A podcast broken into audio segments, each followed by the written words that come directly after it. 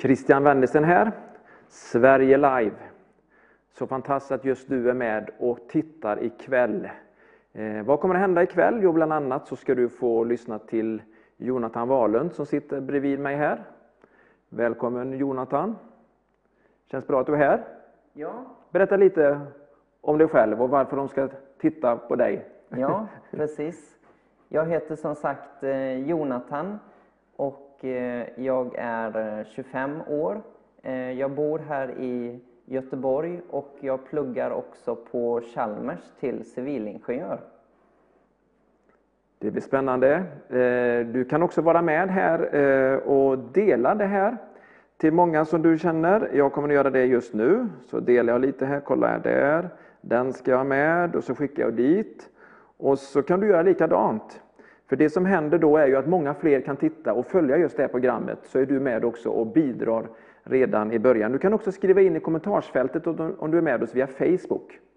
Och då kan du skriva hej, var du kommer ifrån.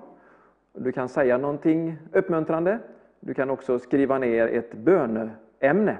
Så tar vi med det och vi kommer att vara med och be ganska så tidigt här i programmet och i slutet.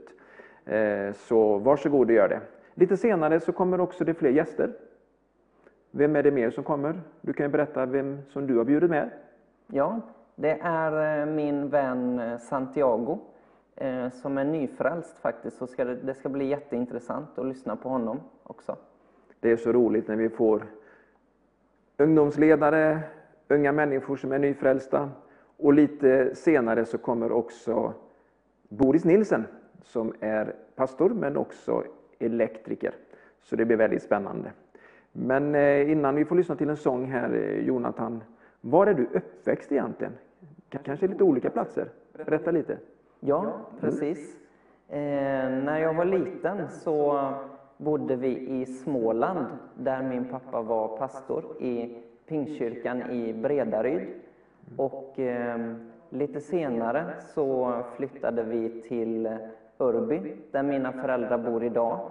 Eh, och pappa gick på en pastortjänst där i Kinna. Så man kan säga att det är i Örby som jag är uppvuxen. Så trevligt.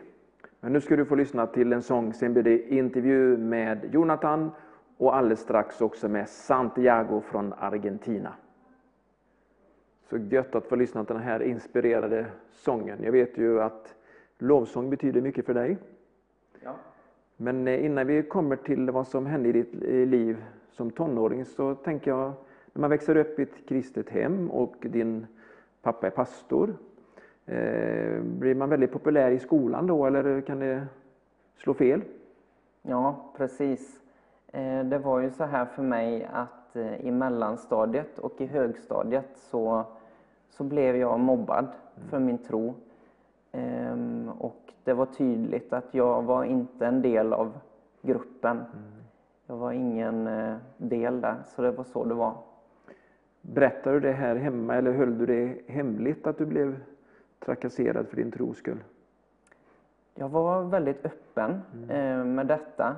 Och även fast jag kanske inte var en bekännande kristen just då, i den delen av livet, så upplevde jag ändå en styrka inom mig. Att jag visste att Gud var med mig och han, han stöttade mig. Och jag tog fasta på detta i det som jag gick igenom.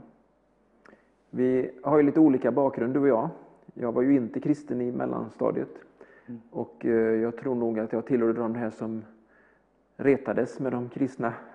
Kom man på någonting eh, lustigt att eh, göra så gjorde man det på deras bekostnad. Men att vara i en andra situation är ju inte roligt. Och eh, du hade ju egentligen ingen egen tro på det sättet. Du, du blev retad för dina föräldrars tro. Men sen eh, fick du en egen tro, kan man säga det? Berätta lite vad som hände när du var typ 14 år, om vi hoppar några år framåt nu i tiden. Ja, precis. Eh, precis som du sa, så när jag var mindre så kan man säga att jag levde ju på mina föräldrars tro och jag följde med till kyrkan.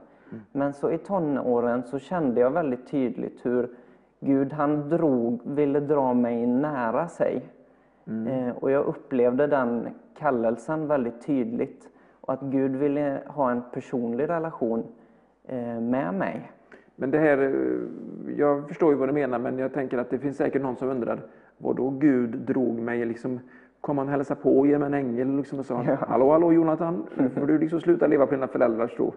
Eller vad gjorde han? Just det. Kan du förklara? Eh, Jag upplevde bland annat eh, i mötena, jag gick ju på gudstjänster med mina föräldrar och eh, jag upplevde att Gud började kalla mig fram på förbön. Och att Gud sa att, "Ja, men Jonathan, du behöver komma fram, du behöver någon som ber för dig. Troligtvis att jag får den här personliga relationen. Okej, så nu tänker du, nu sitter du på en gudstjänst och många har ju en speciell bild utav gudstjänst. Någon kanske kommer ihåg sin egen gudstjänstupplevelse, någon kanske bara har sett gudstjänsterna från Mr Beans show eh, och undrar hur överlevde du det här? Och så säger du att Gud kallar på dig till förbön. Vad betyder det? Hur gör han då? Ja, för mig så blev det faktiskt så att eh, när jag kände då att Gud kallade fram mig, att jag skulle... Så det här är mer en känsla, det är inte så att det är ingen ängel och det är ingen hörbar röst. Det var, det var som en tanke kan man säga inom mig och en känsla att jag blev nervös då. Det är ju jättespännande. En tanke och en känsla. Många säger ju det här att det är både förståndet Precis. och känslan. Men så har vi någonting kvar, det är våran vilja. Mm. Ville du verkligen gå fram i kyrkan att någon skulle be för dig? Eller fanns det ett motstånd inom dig att nej, då är det slut på allt det roliga? Ja men precis. Eh, Det, det fanns ju det här motståndet och, och en del gånger så gick jag fram till, till förbönen och eh, var lydig då hur Gud hade kallat. Men vad Eh, händer när man går fram till förbönen? För att det är olika kyrkor och olika traditioner. Ja. Men vad hände, och nu berättar du din första kyrka i, i staden på berget i Horred. Hur gick det till där? Stod det liksom gubbar och tanter där framme och, och väntade på att nu kommer Jonathan, nu ber vi för honom? Ja, så kan man faktiskt säga. Eh, Det var i slutet av gudstjänsten. Eh, Det kanske var, de spelade lite lovsång i bakgrunden. Och så var det kanske pastorn som eh, hade ett ord och kallade fram att om ni vill ha bön för någonting så är ni välkomna fram nu. Och så stod de redo där då att, eh, att ta emot dem som, eh, som ville respondera på det. Alltså det låter ju både härligt och lite läskigt. Ja, Var det bra förklaring? ja när, man är, bra. när man är 14 år menar jag. Ja, Ja. verkligen. Men du tog ändå ett steg, alltså det, det, det är ju, som du förklarade, det är Gud som tar initiativet. Ja. Och hans ande ger oss tankar att vi ska söka honom, att vi ska ge respons. Och när du gör det, då händer någonting. Så det är någon form av samarbete, för Gud har gett oss den här fantastiska fria viljan. Ja. Annars hade vi bara varit marionetter och så hade vi bara liksom gjort. Men nu är vi ju inte det. Eh, Har du något minne utav det här eller skulle du vilja gå ett steg närmare när du verkligen förstår att nu är jag ett Guds barn? Mm. Berätta om det. Ja, det var ju så här att eh, jag var Ehm, med i det här nätverket där det fanns många olika församlingar och där det var en församling här i Göteborg som anordnade sommarläger ute på Hönö. Ehm, och jag hade en kompis i denna församlingen som bjöd med mig på ett sånt läger. Så jag åkte med och var lite nervös som man kan vara så här. Ehm, men när jag kommer till detta lägret så blir jag bara bemött med sån kärlek. Det är personer i samma ålder som jag. Och eh, jag ser att de har fått fatt på någonting som inte jag hade i den delen av mitt liv helt enkelt. Så trots att du växer upp i, i ett pastorshem och mer eller mindre tvingas till kyrkan eller har i alla fall som rutin att gå till kyrkan minst en gång Ja, i veckan, kanske många gånger fler. Så upplevde du att de här tonåringarna i din ålder hade mött Gud på ett sätt som du inte hade gjort. mm. Kände du avundsjuka eller kände du att du bara vill ha det? ja precis. Jag kände, jag kände hunger när, jag, när jag såg det här. Ehm, när de lyfte sina händer, när de var frimodiga i lovsången, när de bad för varandra, när det inte ens var gudstjänst så bad man för varandra och, Menar att de ungdomar bad till Gud fast de inte var tvungna att göra det? Ja, Och fast det inte var i en kyrkolokal? Ja, Det låter ju fantastiskt. ja, Och det här var ute på Hönö? ja, precis. Gud välsigna Hönö. Ja. Jo, eh, hände någonting mer eller eh, hade du bara, för det är, ju, det är ju en sak att vara hungrig. Mm. Men om man ska vara hungrig måste man ju veta, eller vill man veta om det är gott Mm. eller om det är halvbra. Ja. Det verkar som du trodde att Gud verkligen var god. Ja. Hur kunde du liksom tro det? För det är ju det är inte så många människor som tror det. Mm. Precis. Ehm, på de här gudstjänsterna på lägret så upplevde jag hur Gud rörde vid mig och jag upplevde hur jag fick eh, ta emot och känna den heliga Andes kraft precis som jag såg de här ungdomarna. De, det som de hade tagit emot kunde också jag få ta, ta emot. Men hur tar man emot? För du hade du tagit emot Jesus. Men nu vill du ta emot en helig ande. Du ville verkligen ha med Gud att göra. Men hur gör man då? För jag tror att många som, som tittar nu, de, de har den här hungern, de har den längtan, man förstår att Gud är god. Men man vill också uppleva honom. Alltså jag gillar ju inte att se på matprogram, för jag, får inte äta det. En del kan ju titta på matprogram och strunta det, men jag vill ju liksom kunna äta det. Om jag vet att Gud är god vill jag också smaka på hans godhet. Ja, Kunde du känna likadant? ja, precis. Men hur gör man då?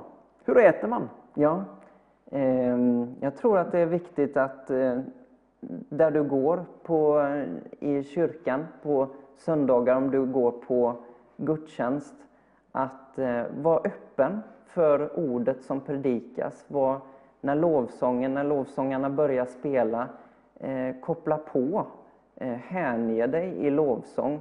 Lyft dina händer, det kan faktiskt, eh, det kan faktiskt hjälpa att, att göra någonting med kroppen för att man också ska, för att hjärtat ska koppla på och så att man kan koppla med den helige Ande.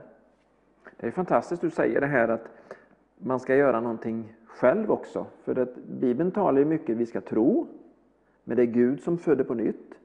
Vi ska ta emot, men det är han som vill ta det första initiativet och det är han som kommer in och möter med oss. Ja. Och nu talar de om att lyfta händerna. För att jag vet ju att, jag läste det här, eh, blev så fascinerad, att ordet tillbedjan Ja, betyder att böja knä. Men det Precis. betyder också att lyfta sin hand och liksom Mm. göra så här till någon som är över dig. Så när man gör så här så är det tillbedjan. så om du inte visste det och tycker att det ser tuntigt ut att lyfta dina händer så tänk att hallå där, Gud är Gud. Han är värd vår tillbedjan och vi kan ge honom vår hyllning. Vi kan böja våra knän, vi kan lyfta våra händer. Mm. Och nu för tiden är det ju mer enklare ibland att lyfta sina händer eftersom det kan vara knöligt att böja sina knän. Mm. Men tillbedjan betyder både böja knän och ge honom. Det här betyder mycket för dig. Ja. Eh, Berätta lite hur du upplevde det här med, med, med lovsång. Mm. För en del tycker det är jobbigt med lovsång. ja. Men hur, hur var det för dig? Eller hur är det för dig? Mm. Eh, lovsång är ett sätt för mig att kommunicera med Gud. Ehm, och det kan ju vara så här att det är inte alltid när man lovsjunger som man känner att Gud kommer direkt. Men om man kopplar på om man sjunger de här sångerna då kan man uppleva att den helige Ande, att man, den helige Andes närvaro kommer och att man bestämmer sig också för att man ska lovsjunga helt enkelt. Fantastiskt. Så det här har något att göra med att när vi hänger oss, alltså ger oss hän av hela vårt hjärta, Mm. så kommer också Guds kraft att manifesteras mer. Ja. Det finns ett speciellt bibelord på det här som börjar lite sådär, oh, att hans ögon överfar hela jorden. Så tänker man, varför det? Jo, han söker efter dem som med sina hjärtan hänger sig Mm. åt honom. Och där har vi det igen. Mm. Hjärtat, lovsången, Gud är stor. Strax så ska vi ju få en till gäst här i studion. Och det är ju Santiago. Ja. Ja. Och eh, jag vet inte, träffade du Santiago i kyrkan första gången eller i en husgrupp, hemgrupp? Ja, eh, jag träffade honom i kyrkan första gången. Han kom in med några andra personer eh, och vi bad för honom eh, tillsammans. Eh, och efter mötet sen, när han var på väg ut, så, så gick jag och pratade med honom. Eh, så, så det var där jag mötte honom först. Det är väldigt speciellt för att jag, jag missuppfattar hela den situationen. Det visste du inte va? Nej, det Nej. visste jag inte. Nej, för att eh, det var så, i- det här, vi har ju precis bett och så plötsligt så fick han så bråttom. Jag tänkte nu blev han rädd, han kommer aldrig tillbaka till kyrkan. Men så såg jag att, att du gick med honom. Då tänkte jag du kanske liksom får lugna ner honom lite så att han kanske kommer tillbaka. Men han skulle ju gå och jobba. Ja, och jag trodde att han flydde, ja, att han blev för mycket. ja, Så visst, visst var det härligt. ja Det här handlar ju om lärjungaskap. precis. Att man följer Jesus, men man lär sig också att kunna följa en ledare och bli tränad av en ledare. Ja, Och det bygger på Jesu ord att gå ut och göra alla folk till lärjungar och döp dem i Faderns, Sonens och den helige Andes namn och lär dem att hålla alla de bud jag har gett er. Och jag ska vara med er alla dagar intill tidens slut. Och nu har du varit med i en husgrupp. Hur många år är det? det är nog i alla fall i fyra år, tror jag. Och din ledare, Side. ja, hur har han tränat dig? Redan i början när jag, när jag kom till denna hemgruppen så, så gav han mig utrymme att eh, växa i mina gåvor. Ehm, han undervisade ju också, så jag fick höra ordet. Och eh, i den här eh, atmosfären och i den miljön så, så fick jag växa och han stöttade mig där i min vandring och komma närmare Gud helt enkelt. Så husgruppen är inte egentligen bara för att vi ska sitta och, och mysa, utan det är lite mer. Ja. Vad är lite mer? Att vi ber för varandra. ehm, om vi har något bönämne, någonting som vi har just nu i våra liv, ett behov. Ehm, det är också att vi tränar varandra, att vi växer i våra gåvor. Ehm, Så ja, du rekommenderar det här med husgrupper? ja, verkligen. Ja. Mm. Eh, du ska få berätta tillsammans med Santiago lite grann när han kom till husgruppen för första gången. Och så ska vi uppmuntra dig som ännu inte är med i någon församling att vara med i en församling, men också i den lilla gruppen. Och få växa och få omsorg, men också få uttrycka din tro i det här teamet. Men också få tränas själv i att göra andra till lärjungar, vilket kan betyda att man vinner någon ny.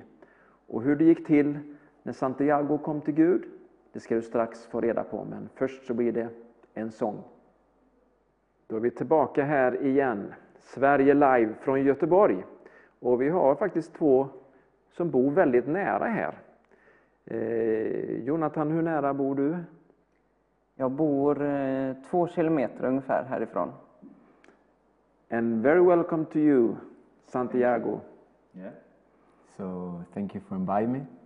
Uh, like you say, I'm from Argentina. I'm from a city called Mar del Plata, and yeah, Ja, Santiago han berättar här att han är ifrån Argentina, från staden Mar del Plata. Och eh, vi vet att hans mamma också fick in Facebook-sändningen och är med här. Yeah, Deste. Så bendiciones Deste. Så det är extra trevligt. Och, and you are living very close here? Yeah. I live uh, in Avenin. I live uh, actually it's like five minutes walking, ten minutes. Yeah, exactly. bor bara fem minuters promenad härifrån. Så det är ju härligt med, med riktiga stabor. Så trevligt. Ja. Så eh, Santiago, Hmm. why are you here in Sweden? Uh, Varför är du här i Sverige? Yeah, I came here like um, for an adventure, and then the, I don't know, was something inside me telling me to come here. So yeah, it's, it's because of that. And then I, I found Jesus here. So Så du, du berättar, han berättar här att han kom hit för att det var någonting inom honom som sa till honom att åka till Sverige. Och han har ju berättat här att han har det väldigt bra i Argentina. So tell us a little about your home city and your family. Berätta lite om din Ja. hemstad och din Yeah, I'm from Mar del Plata. It's, uh, I would say, an Italian city in South America.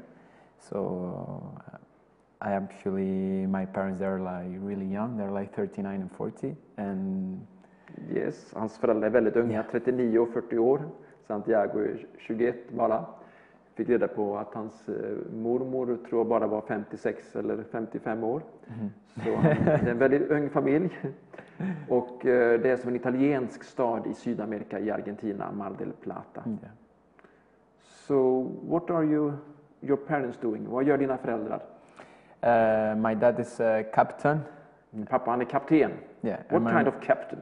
on the ship and the boat, big boat. Ja, han är kapten på de stora båtarna. Yeah, and my mom is uh, is my mom. Och mamma, hon är mamma. It's a complicated work, so but she's a, she's a, it's the best mom. Hon är den bästa mamman. Han passar på att smöra lite här. Hoppas att det är översatt. så härligt att du är här. So good to have you here. Mm.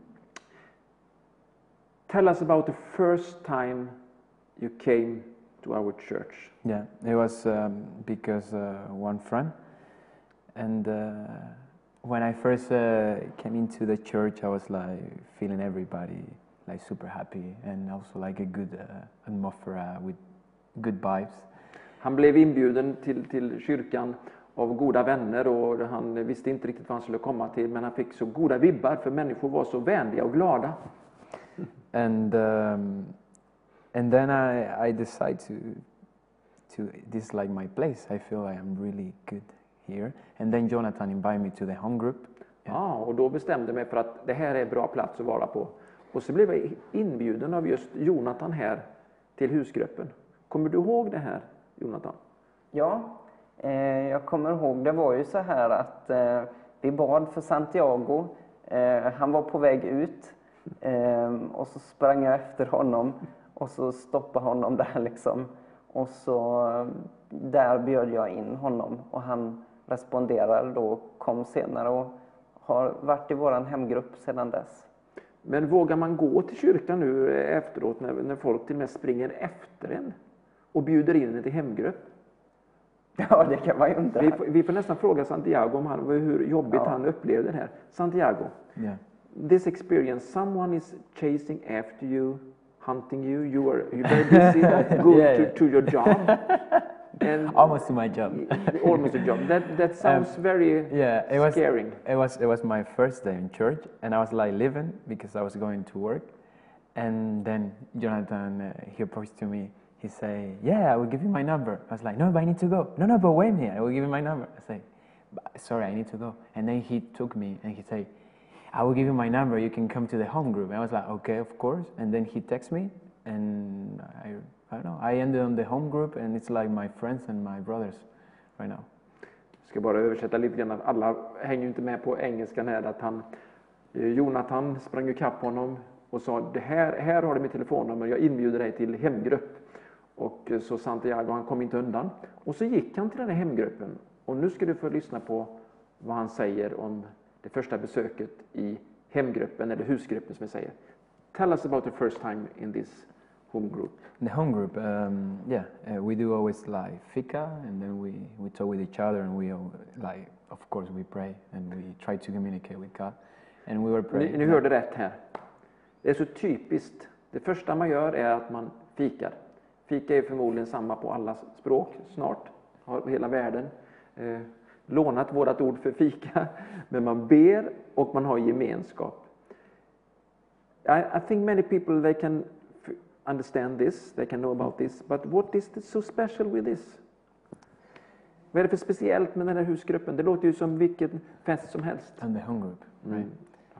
Is how can you communicate with the with the Holy Spirit and, and with Jesus? Like when you get into the group and everybody is like praying for the same and trying to communicate with the Holy Spirit. So when you give to Him like more power in some way, and you invite to Him like be with all of us, and it was amazing the first time. Han berättar här att det här var inte som en vanlig grupp eller vanlig fest. För här ber man tillsammans och man får uppleva gemenskap med den helige Ande. Den helige Ande är med i, i bönen när vi ber till Fadern i Jesu namn. Det är ju fantastiskt. Vad, vad säger du om husgruppen? Vill du berätta något mer om vad en husgrupp betyder? Ja, jag har ju när jag gick med i församlingen som jag är med i nu, eh, så som jag berättade så, så kom jag kanske med en lite dålig självbild och så här till de här lägren och så. Men husgruppen var ju också en plats där jag fick eh, läka på det sättet i min eh, självbild. Så också det. Jag fick eh, härliga, bra vänner, verkligen. Och så fick jag växa då i mina gåvor och eh, de här sakerna som Santiago eh, har tagit upp också. Så det är fantastiskt med hemgrupp, verkligen.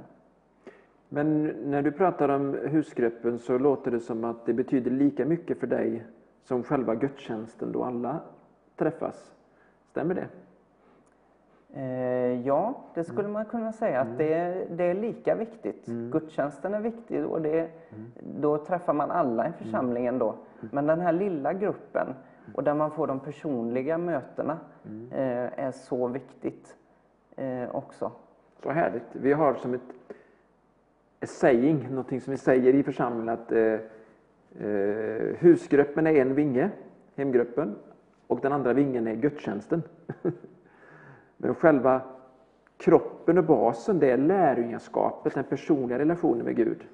Och sen naturligtvis Jesus, han har huvudet. Så det blir en väldig balans för den här härliga fågeln, örnen, Guds församling, att flyga. Så back to you, Santiago. Do you remember how you received Jesus Christ? Because you uh, you grown up in a Catholic Yeah, church. Yeah. church. So do you want to tell us about what what's the difference between just visiting like religion and to be a born again Christian? Han ska berätta här nu skillnaden mellan att bara växa upp med en religion och att personligen ta emot Jesus Kristus. Yeah, like you say, I belong to the to the Catholic, and you always have a distance uh, between you and the pastor and even God. They they teach you in that way. Det som jag växte upp med var att det var en väldig distans mellan dig själv och med, med prästen eller pastorn och Gud och kyrkan och allting. Det var en väldig dis- distans. But I mean, in the in the Christian, it's different. You have a contact. It's a direct contact with God, and even with the pastor. He's your friend. You're my friend. Men när man blir en personlig kristen, född på nytt, så, så blir det närhet. Man får blir nära med, med pastorn, ledaren och, och församlingen. Det blir en närhet. Yeah, I think it's like reciprocal between the Holy Spirit and you. When you look for Him and He look for you, I think that's the point. Jag tycker att det är hur coolt som helst att den helige Ande söker dig och du söker honom och så, så möter man Gud på det sättet. Så after you received Jesus, what was the next step? Or do you remember what to do after that? Yeah. Vad hände baptized. efter han hade blivit en personlig kristen? Då säger han, då blev jag döpt. yeah, I get baptized. Uh, it was a confirmation because I received God uh, when I was in the home group. I received it that day. But yeah. Så dopet blev som en konfirmation, för i kyrkan så tog jag mina första steg och jag fick kontakten, jag kom in i hemgruppen. Och i hemgruppen så gjorde jag den här upplevelsen av att Jesus blev min Herre och, och så vidare. Men i dopet så bekräftade jag det som hade hänt i mitt hjärta. That's amazing. It's like a Bible study. Det är som ett bibelstudium när du berättar hur det ska gå till. Och nu lärjungatränar du Jonathan och du fick också vara med och döpa Santiago. Mm, Hur upplever du det här att du som ungdomsledare och du är ju inte mer än 25 år får vara med och döpa, lärjungaträna och hur går det till? För många som lyssnar här, de vill göra någonting mer men de undrar hur ska jag kunna göra det? Jag är inte pastor. Mm. Kan du förklara? Ja, eh, till att börja med får jag säga att det känns som en sån otrolig nåd att få vara med och, och leda en sån här person och att få vara med och döpa. Eh, det är bara en sån glädje att se någon då som man har lätt komma till tro och ta det beslutet.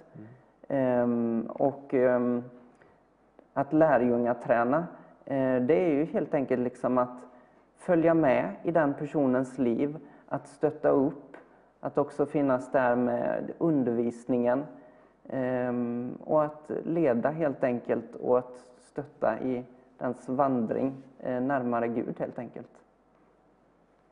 Också det som du gör nu. Han får följa med dig här i, i tv-studion Ja.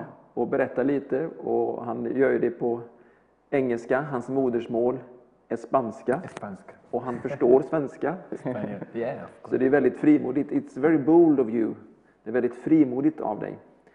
Eh, please tell us something more about what, what is it to be a born again Christian? What is the difference now? Because this is like two months ago you took this step. Yeah. What is the difference? Like you're more grateful. Like, Du är mer tacksam, säger han. Den stora skillnaden är att jag är mer tacksam.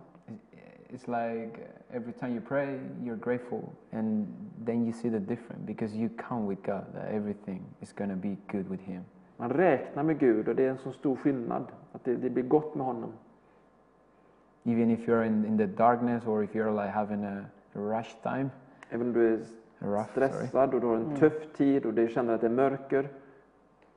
everything will be better because of Him. så blir det bättre på grund av honom. So what can you say, if you, very short, uh, what did Jesus do for you? What did he do on the cross? What happened after three days? And what does it mean for you? Jag frågar honom, vad betyder det här med Jesus och korset? He gave His life for me. Han gav sitt liv för mig. Yeah. So that means a lot, no? Det betyder mycket. Yeah. Why did he give his life for you? Because He loved us. Därför att han älskade mig. Mm. Fantastiskt. Fantastic. Verkligen. Jonathan, eh, vi hör ju här om bönesvar. Mm. Så du ska strax få berätta mer om olika bönesvar och vad Gud har lett dig. Men innan det så ska du få lyssna till en sång. Varsågod. Då är vi tillbaka igen här med eh, Jonathan och Santiago. Lite senare i programmet så kommer Boris Nilsen att berätta många spännande saker och upplevelser och äventyr med Gud. Men eh, några minuter till så har vi Jonathan och Santiago här och eh, jag vänder mig till dig först Santiago. Du får tillfälle att säga någonting till dina spansktalande vänner. Eh, I give you one minute to speak to your friends and family in Argentina. You can say it in Spanish. Han kan tala spanska någon minut här så ska jag försöka översätta lite. Yeah. Quiero mandarle un saludo a, a mi familia y, y mis amigos en Argentina, a mi mamá, Jag hälsar till mina vänner och speciellt till min mamma och min familj i Argentina. A, a mis amigos Nahue, Cami, quiero decirle que, que los quiero, los extraño y que nada, tengan fe y que, que confíen que todo va a estar mejor. Los quiero. Det kan vara mycket svåra tider men eh, när man har en tro på Gud så, så hjälper det mycket. Gud välsigne er och så slängde han lite pussar. Muchos besos. Muchos abrazos. många pussar och många kramar. Så härligt. Jonathan, Ja. bönesvar. Ja. Har du fått det någon gång? Ja, jag tänkte dela en grej faktiskt om givande som jag var med, för, var med om för ett tag sedan. Eh, det var så att i somras ehm, så har inte jag fått något sommarjobb. Ehm, så jag har varit ledig denna sommaren, men jag har ju då inte heller fått någon inkomst. Ehm, och då var det så här att jag har ju varit på semester med min familj och sådär. Och så när jag kom hem från denna semestern så kom jag hem hit till Göteborg och så skulle jag snart börja skolan. Och det ösregnade den dagen och jag skulle gå in i mataffären och handla någonting. Och då finns det en tiggare som brukar sitta där utanför. Ehm, och varvid denna tiggare kommer in efter mig i mataffären och eh, riktigt bönfaller mig kan man säga att skulle du kunna ge mig 200 kronor? Jag behöver det här till att köpa medicin. Och hon var verkligen förkrossad. Eh, och då tänker man ju, när man inte har haft någon inkomst, så tänker man att man kanske skulle vara lite sparsam. Men så bara upplever jag att eh, Gud säger till mig att att nej men Jonathan, du ska ge detta. Eh, ta detta som ett offer för mig här nu. Ehm, så jag tog ut de här pengarna, eh, gav dem till henne och så var det som ett offer för mig, men jag gav det där och då. Och eh, i den stunden så hade jag ju ingen tanke på att jag skulle få tillbaka det eller något sånt. Men Gud är god och det står i Guds ord att, att ge så ska du få. Det står till och med att du ska få ett, ett gott mått och packat och skakat och rågat tillbaka. Eh, så nästa dag när jag var i kyrkan eh, så var det så här att eh, det var några andra människor på besök den gudstjänsten och hade med sig massor av bröd och, som de delade ut gratis. Och jag äter väldigt mycket bröd. Ehm, så efter den här gudstjänsten då så delar de ut det här fritt till alla. Och jag bara känner att eh, Gud säger till mig att men Jonathan, det här, du, du ska ta av det här nu. Ehm, så varvid jag får med mig hem massa bröd eh, gratis. Och eh, jag upplever bara hur Gud välsignar mig tillbaka, i det, nu då i form av mat. Men att han bara ger mig tillbaka och välsignar mig. Så det, det är så här det fungerar, att när vi ger med, ett, med, ett rätt, med hjärtat med rätt inställning så kommer Gud att ge tillbaka. Så det är verkligen ett, ett härligt eh, bönesvar som jag har fått varit med om. Fantastiskt, tack så jättemycket. Vi får ju många hälsningar här också på Facebook och det, det har inte bara varit från Argentina men det har varit många från Argentina idag. Eh, Mar del Plata. Eh, men också ifrån Venezuela, Mauricio som följer oss där. Det har varit eh, också ifrån eh, Hönö. Det är också en metropol, från Finland. Och så är det från olika platser. Det är så trevligt när ni, när ni, skriver, jag är från den platsen och tittar där. Då. Vi har ju tittare från Sverige och Norge mest naturligtvis. Och vi är glada för varje tittare. Och du vill vara med också och, och, och delta. Skicka in tacksägelse eller bönämne så skriver du i kommentarsfältet. Du kan också smsa. Och om tekniken fungerar så ser du lite grann hur du kan smsa, vilket nummer som gäller och så skriver du in din hälsning, ditt bönämne, din tacksägelse och så vidare. Och eh, Jonathan, du har ju fått fler bönesvar. Jag tänker på när du eh, ska söka till en skola. Och en del tänker ju att bara jag är tillräckligt smart så kommer jag in och det är klart det underlättar ju. Men det är många sökande. Ja. Och du har ju säkert många som vill liksom få ett, ett eh, bönesvar, ett mirakel när det gäller Guds ledning. Har du någonting sånt att berätta så gör gärna det. Ja, precis. Eh, det är ju så här att eh, redan när jag var liten så gillade jag ju design och teknik ja. helt enkelt. Så det var faktiskt så i mellanstadiet på ett av de här utvecklingssamtalen så mm. frågar läraren då, vad vill du bli när du blir stor? Mm. Och jag då nämner det här med teknisk design, att jag sätter ihop de här orden mm. helt enkelt där då. Eh, varvid några år senare i gymnasiet så tar jag upp en Chalmers-katalog mm. och ser att det finns ett program som heter teknisk design. Det var ju härligt. Ja. Och sen när du väl kommer i den åldern att du ska söka in till en utbildning, ja. hur fixar man det? Precis. Ehm, just det här programmet är rätt så svårt att komma in på. Mm. Och jag hade inte de här betygen mm. från början att komma in där. Mm. Men Gud har lett mig där också genom att jag fick eh, gå det här tekniska basåret på mm. Chalmers först. Och så därifrån så kunde jag sen komma in på det här programmet. Och jag upplever ju det här som en välsignelse för Gud att han ger mig favör i mina studier helt enkelt. Verkligen. Och nu har du är det sex månader kvar eller? Ja, det kan ja, man säga. Ja, ett halvår. Nu ska du få vara med och be. Det kommer ju in lite olika bönämnen här och människor som önskar bara liksom hjälp med, med förbön. Och du ska få be för människor som söker Guds ledning. And you are going to pray for people who wants to receive Jesus Christ as their uh, personal Savior and Holy Spirit, the, His power inside us, and to have a fellowship with Him. Så om du börjar att be så kan du också vara med och be tillsammans med oss. Så passar vi på här och ber nu medan du tittar. Så var med i den här bönen, var delaktig. Varsågod och börja. Ja, Jesus, jag bara tackar dig verkligen för de människorna som sitter där ute just nu, Jesus, och de längtar efter dig och de hungrar efter dig. Och Jesus, jag tackar dig att du är en Gud som inte är långt borta, utan du är en Gud som är nära. Jesus, jag tackar dig att där de sitter, där är också du, Jesus. Tack, Så jag tackar dig att i denna stunden, att du bara kommer och rör vid dem.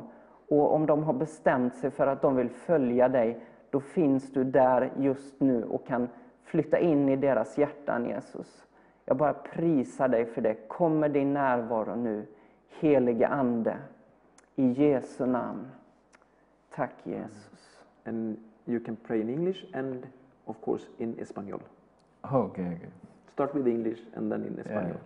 Uh, okay, Jesus, uh, thank you for everything you do for us, uh, for being our life, be our light in the, in the darkness, and uh, for being our Savior, y por cuidarnos y, y estar siempre con nosotros. Creo que, que lo más importante es el, el tener fe y confiar en, en Dios.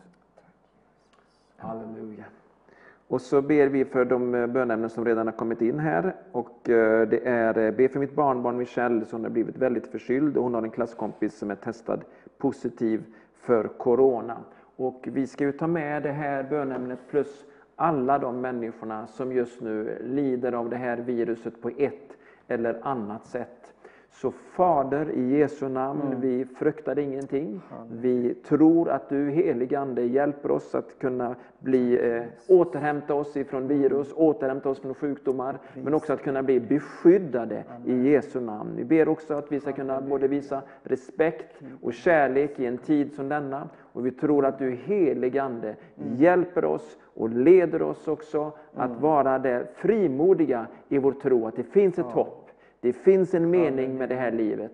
I Jesu namn. Och speciellt det här eh, barnbarnet ska du vara med och röra vid Michelle. Att hon får bli helt frisk, helt fri och kunna vara med i skolan igen och leka och ha det underbart. I Jesu namn. Amen.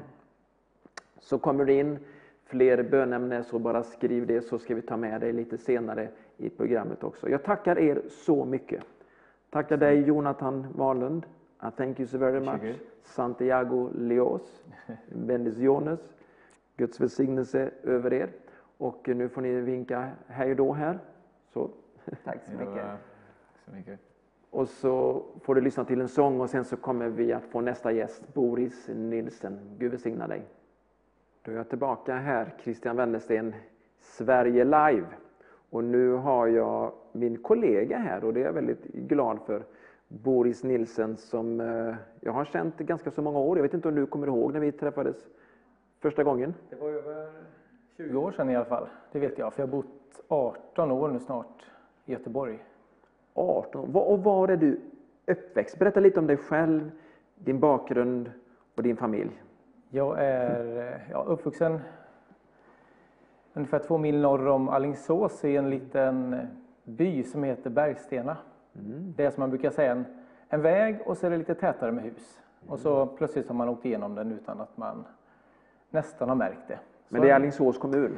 Eh, Det är faktiskt eh, Vårgårda kommun, men det är ju, hör ju till Alingsås också då kan man säga. Närmsta lite större stad. Så du, eh, du är en lantis då? Jag är en riktig urlantis. Ja. Ja. Men du är inte en sån lantis så du liksom har odlat i egna morötter och sånt? Jo, lite fuskat lite har jag gjort. Jag har odlat en del, det har jag. Men jag är uppvuxen på bondgård, men eh, under eh, de åren jag växte upp så fanns det egentligen inget aktivt jordbruk på gården, utan det var utarrenderat då. Men såklart, jag odlade lite. Det gick ju inte att låta bli. Om- Så är det ju. När jag berättar om mitt, in, mitt fritidsintresse så är det ju badminton. Och ditt fritidsintresse är ju squash. Ja, jag förstår vad du menar. Och vilken squash är det du... Det är inte racketsporten squash då, utan det är... Det var många år sedan nu, men eh, Är det preskriberat? Eller? det, det är de här squashen som eh, förföljer mig. Ja, jag erkänner. Jag odlade väldigt mycket. Det var en period där som jag... Men är, varför odlar man squash? Vem äter squash? Och hur, hur, ser, hur ser det ens ut? Det var väl min stackars familj som fick äta. Oj. Och jag. Så det var squash till kotletterna, squash till köttfärssåsen, Ja, det var squash. squash till glassen. Det var squash. Ja. Mycket grönsaker. Vilket lidande. Ja, värre saker kan man kanske Ja, vara med okej. om. Ja. Men det är ändå väldigt speciellt. För jag är Mm. ju uppväxt på en ö och vi odlar inte så mycket. Men du är uppväxt på landet. Mm. Och eh, gick du liksom till kyrkan någon gång? Nej, det gjorde jag faktiskt inte. Jag är uppvuxen i en familj och en släkt där det finns en väldigt varm tro på Gud. Eh, Men eh, ganska tidigt så var jag, jag hade en ganska starkt avvisande inställning och attityd mot allt som hade med Gud att göra faktiskt. Det här, jag det- förstår inte detta riktigt. Nej, inte jag heller. Så var det liksom, du hade någonting inom dig som var, var det anti-kyrkan eller var det anti-Gud? Förstår du vad jag menar? Var det, Vad var det du inte gillade? Var det det religiösa eller var det liksom att en, en felaktig bild av Gud? Jag tror att det var en felaktig eh, bild av Gud faktiskt. Mm.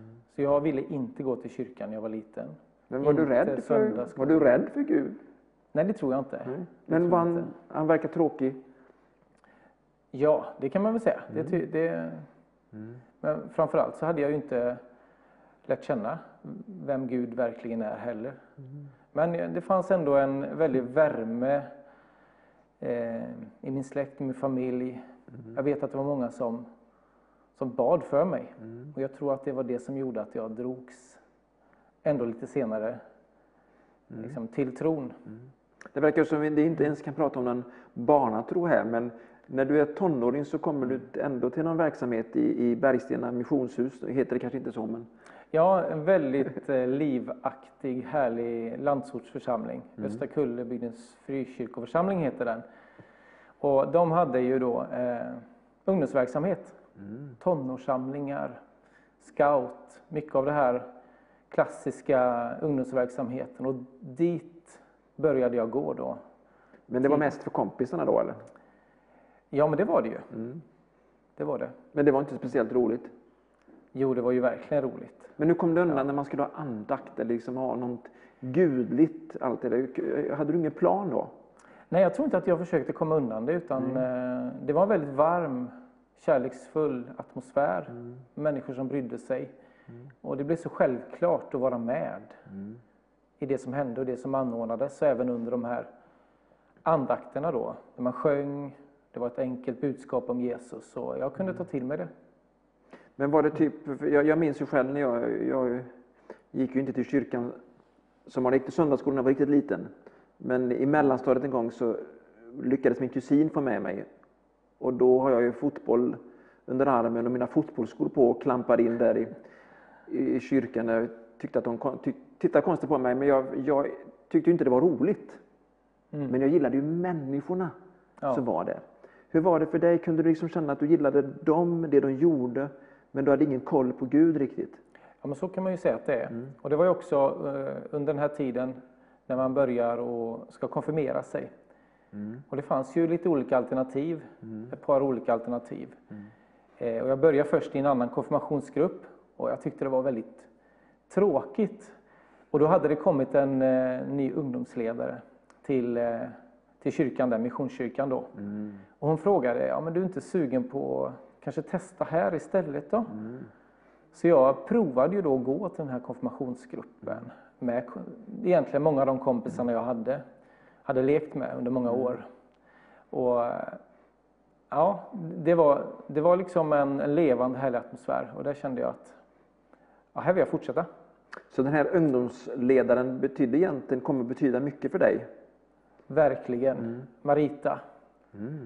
En ung tjej då. Eh, Som jag sen faktiskt eh, har jobbat tillsammans med längre fram också. Mer som kollegor. Och hon, hon var verkligen den här ungdomsledaren som... Jag kommer ihåg hon hade den här lilla, vad var det nu, en Ford Fiesta tror jag. En liten röd bil. Och denna bil var till så mycket välsignelse. För hon, jag kommer ihåg hon hämtade mig till ungdomssamlingen och hon körde hem mig. Hon körde flera ungdomar då. Och just, jag tror att det var väldigt avgörande, den omsorgen och den, det här praktiska. Jag kommer och plockar upp dig. Hon visste väl det att kommer hon inte och hämtar mig så kanske jag, ja, då går jag ut och odlar grönsaker istället eller gör någonting annat. Ja, Det låter väldigt roligt. Men jag- den lilla röda bilen var ju till stor välsignelse för att det fanns en, en ung kvinna där som ville tjäna och tjäna Gud och förstod hur man skulle vinna uttråkade ungdomar, ja. svårstimulerade typer. Men eh, hände det liksom någonting som gjorde att du liksom fick en egen hunger och längtan efter meningen med livet eller med Gud? Eller? Ja, det började ju egentligen med ett intresse av, av Bibeln. Jag förstod att eh, det finns profetior, det finns saker som talar om framtiden. Det gjorde mig väldigt intresserad eh, om att ja, det är inte bara en gammal mossig bok och det är inte en farbror på ett moln. Den här, som du sa, den här gudsbilden som eh, inte var levande egentligen. Så när jag själv började förstå att det finns en levande Gud så eh, började det födas en, en längtan. Och för mig var det något som var väldigt avgörande också. Det var de här enkla samlingarna. Vi satt i ett litet rum, det var ett tänt ljus, det var en, någon som spelade på en gitarr. Enkla sånger, men det var sånger till Gud. Och i de här sångerna så upplevde jag ju, som jag förstått nu då, det är ju den helige Ande som är närvarande när, när man är samlad i, i Jesu namn. Och jag kände ju den här närvaron av Gud då. Och det på något sätt mjukade nog upp mitt inre så att jag började våga och ta emot. Och det föddes ja, men som ett, tror jag, ett, eh, ett frö av tro som började växa. Och när du liksom har fått den här lilla tron, vad gjorde du av den tron då för att det Mm. liksom skulle bli en, en relation? Vad var nästa steg? Ja, just det. Dopet var ju en, en viktig del när jag förstod att jag behöver begrava mitt gamla liv. Som jag ändå kände att jag hade. Jag hade ett liv där jag inte hade velat ha med Gud att göra. Så trots att du är ung tonåring, typ 14 år, Ja, precis. så förstår du att du har synd i ditt liv. Ja. Ja. Men tror man då att man kan bli av med den eller ska man försöka skärpa till sig bara? Hade du någon tro att du skulle kunna bli helt förlåten? Det var nog ingen idé att försöka skärpa till sig. Nej. Jag kände att det var nog redan Vad behövde hända då? det är en inre förvandling. Men visste du att det fanns? För det, det kände inte jag till på den tiden. Ja, men jag förstod ju när- det började bli levande på insidan. Inte bara någonting som var på utsidan. Utan jag kände att en relation med Gud började födas. Så att bönen blev liksom någonting som inte bara blev något man läste till i en kyrka. Utan det blev någonting som man kunde formulera och säga till en person. Och jag förstod att, och kände att det fanns en respons också i bönen då. Men var det här som en, här, en U-process, att du liksom långsamt men säkert fick en levande relation med Gud? Eller var det som en V-process när du liksom gick från mörker till ljus och bara blev född på nytt på en dag? Ja, det var som ett U, men ett ganska kort U. Ja. Ett Så det var- litet U då. Ja, precis. Det var väl egentligen under, ja, om man nu säger en termin som man brukar säga då eftersom jag gick i, hade börjat högstadiet. Så det var någonstans där eh, slutet på sjuan, början på åttan. Eh, och det hände ganska mycket rätt så snabbt ändå. Men visst var det en process. Och jag förstod ju sen efter ett tag att, eh, att jag hade tagit emot, att tron hade börjat att födas. Så jag vet att jag vid flera tillfällen bad en sån här bön. Har jag inte bett det förut, har jag inte sagt det förut så tror jag på dig Jesus, jag vill ta emot det i mitt hjärta. Och det blev en, en frälsningsbön för mig då. Så det var, jag vet vid ett flertal tillfällen. Och sen när jag döpte mig så blev det också som en slags ja, men tydligt avstamp där, nu vet jag. Jag har något att utgå ifrån, jag har en Men när, när förstod du att, du att du inte bara skulle ta emot Jesus och sen var det färdigt, utan du också hade en, en kallelse över ditt liv? För alla kristna har ju det, men alla förstår det inte. Vad hände där? Ja, man kan väl säga först och främst så kände jag att det blev en, en väldigt stark längtan som blev som en slags aptit, eller hunger då, efter att söka Gud. Och för mig blev ju det här att åka till kyrkan, åka på möten, lyssna till undervisning, vara med i lovsång. det gjorde att vi var ju ett gäng kompisar som hade mött Gud tillsammans kan man säga under samma period. Så vi började åka till olika platser och åka runt och eh, och det var särskilt vid ett tillfälle vet jag. Det var under den här tidigt 90-tal där eh, Joakim Sjöberg i Alingsås hade ju sådana här kampanjmöten. Och de, eh, det var också lovsångskvällar i kombination med det på tisdagar. Och vi var med på de här lovsångskvällarna. Och så vet jag att det var vid ett tillfälle ett möte där han, han kallade fram oss unga, han bad för oss. Och jag kommer ihåg hur jag föll av Guds kraft framlänges på scenen där. Och han profeterar att du ska tala till ungdomar. Jag var ju själv knappt, jag var ju näst, nästan ett barn fortfarande. Jag var ju liksom precis tonåring. Men där upplevde jag så starkt hur det också kom in en- ett tilltal eller en kallelse i mitt liv. Att Gud kommer använda mig för att tala till unga människor på något sätt. Spännande. Och vad hände Ja. sen? För det här, det här var ju typ nästan 30 år sedan. Ja, allt för 25 länge. år sedan. Ja, ofattbart. vad hände sen då? Ja, jag tjänade ju, började ju hjälpa till och, och göra olika saker i min församling, i hemförsamlingen där. Och i en landsortsförsamling så får man ju oftast möjlighet att prova på väldigt mycket. Och jag fick verkligen göra det. Jag fick växa, jag fick hjälpa till, jag fick vara hjälpledare. Och ganska tidigt så fick jag ansvar. Och det kom också en längtan inom mig att jag skulle liksom hjälpa andra att hitta tron. Så det blev ju att jag engagerade mig som ledare på olika sätt. Och växte på så vis in också i, i, liksom i församlingen. Och kallelsen började liksom odlas och växa fram då i, ja, i min hemförsamling där.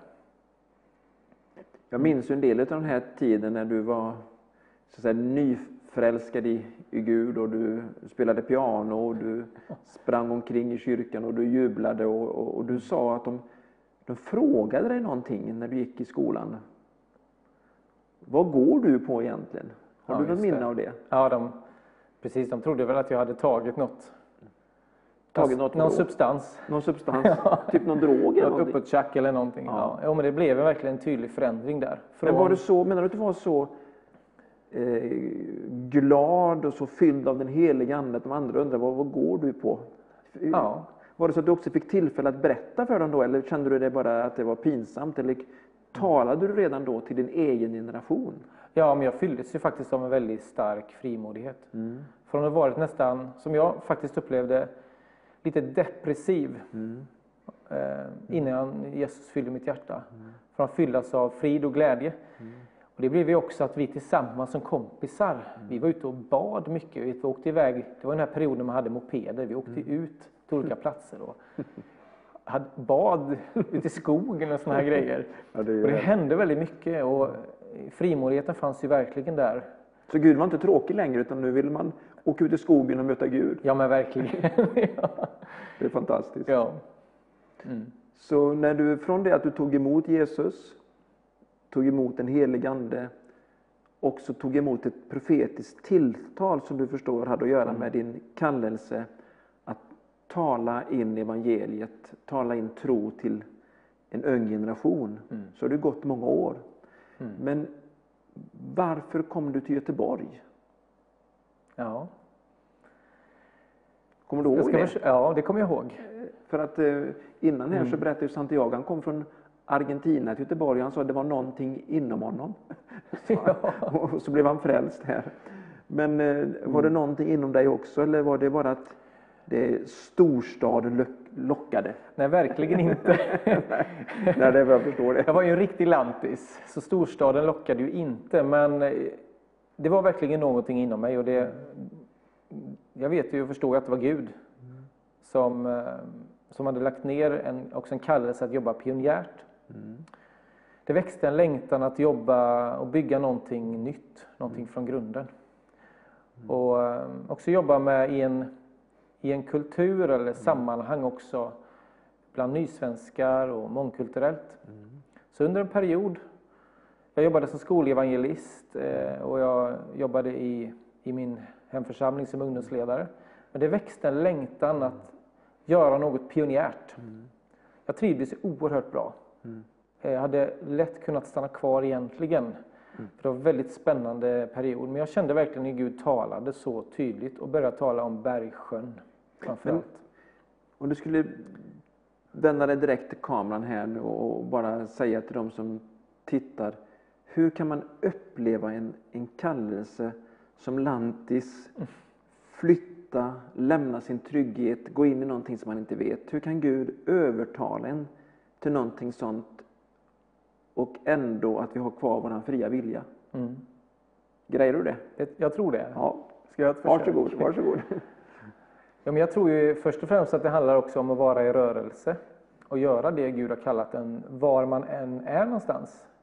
Eh, Jag upplevde inte tristess, jag upplevde inte att jag inte var i min kallelse. Utan snar- snarare att Gud på något sätt, när en bil är i rullning så går det också att styra bilen. Och jag kände ju hur det var Gud som ledde mig vidare in i nya steg i min kallelse. Jag har ju förstått nu i efterhand att det också var för att Gud ville eh, göra saker inom mig. Han ville eh, att jag skulle växa också i, i min kallelse på olika sätt. Jag tror att det finns tider och stunder. Och det är också viktigt att lyda Gud när han kallar. Inte i rädsla eller fruktan utan i, i, på grund av att man faktiskt älskar Gud och följer, följer honom dit han går. Ehm, och jag tror också om man, om man stannar, inte följer det Gud har tänkt, jag tror det är då tristess kan komma in eller ehm, eh, besvikelse och så vidare. Så jag tror att det är väldigt viktigt att våga och följa och också veta att Gud tar hand om, om ja, det som kommer. Han har en plan, även om man inte vet hur allting ska gå så får vi tro att vi går i förutberedda gärningar när vi söker honom och när vi ber och vågar ta ett steg i taget. Så kommer han också ta hand om, om framtiden, vilket jag sett att han verkligen har, har gjort för mig. Så bra. Sen när du väl kommer till Göteborg, så man har lite minnen, så är du ju ungkarl och bor i en lägenhet i Bergsjön utav alla ställen. Många fruktade ju till och med att bara parkera sin bil här Ja. och passera området. Så, så ska vi fortsätta prata lite om Guds ledning, för då vet jag att en av de här invandrarna killarna, killarna säger något speciellt till dig. Kommer du ihåg vad han sa i, i hissen? Varför? Varför, Varför är är du inte gift? Ja, varför är du inte gift? Ja. Och, Jag då, var- och, och då var du inte gammal. Men han kanske trodde att du var gammal. Jag var ju 20 plus i alla Ja, fall. 20 plus. Ja. Men sådana här bitar som många liksom ber för, eh, livskamrat, kallelse. Mm. Det är ju inte så lätt egentligen, det är ju processer. Men skulle du, för att din fru har ju varit här i programmet, eh, Mm. det var ett tag sedan, men hon berättade ju sin vision. Och nu kommer den manliga visionen. Hur kan Gud leda? Det kommer den korta versionen, Den menar du? Ja, korta versionen och den oromantiska. Två meningar, ja precis. Nej, men jag tror, att, jag tror att många gånger kan ju andra män ha lättare för att identifiera sig Mm. med oss män. För det är processer, men vi vill ju att, att Gud ska få inflytande i de, alla beslut i livet. Men Mm. ab, absolut i de stora besluten.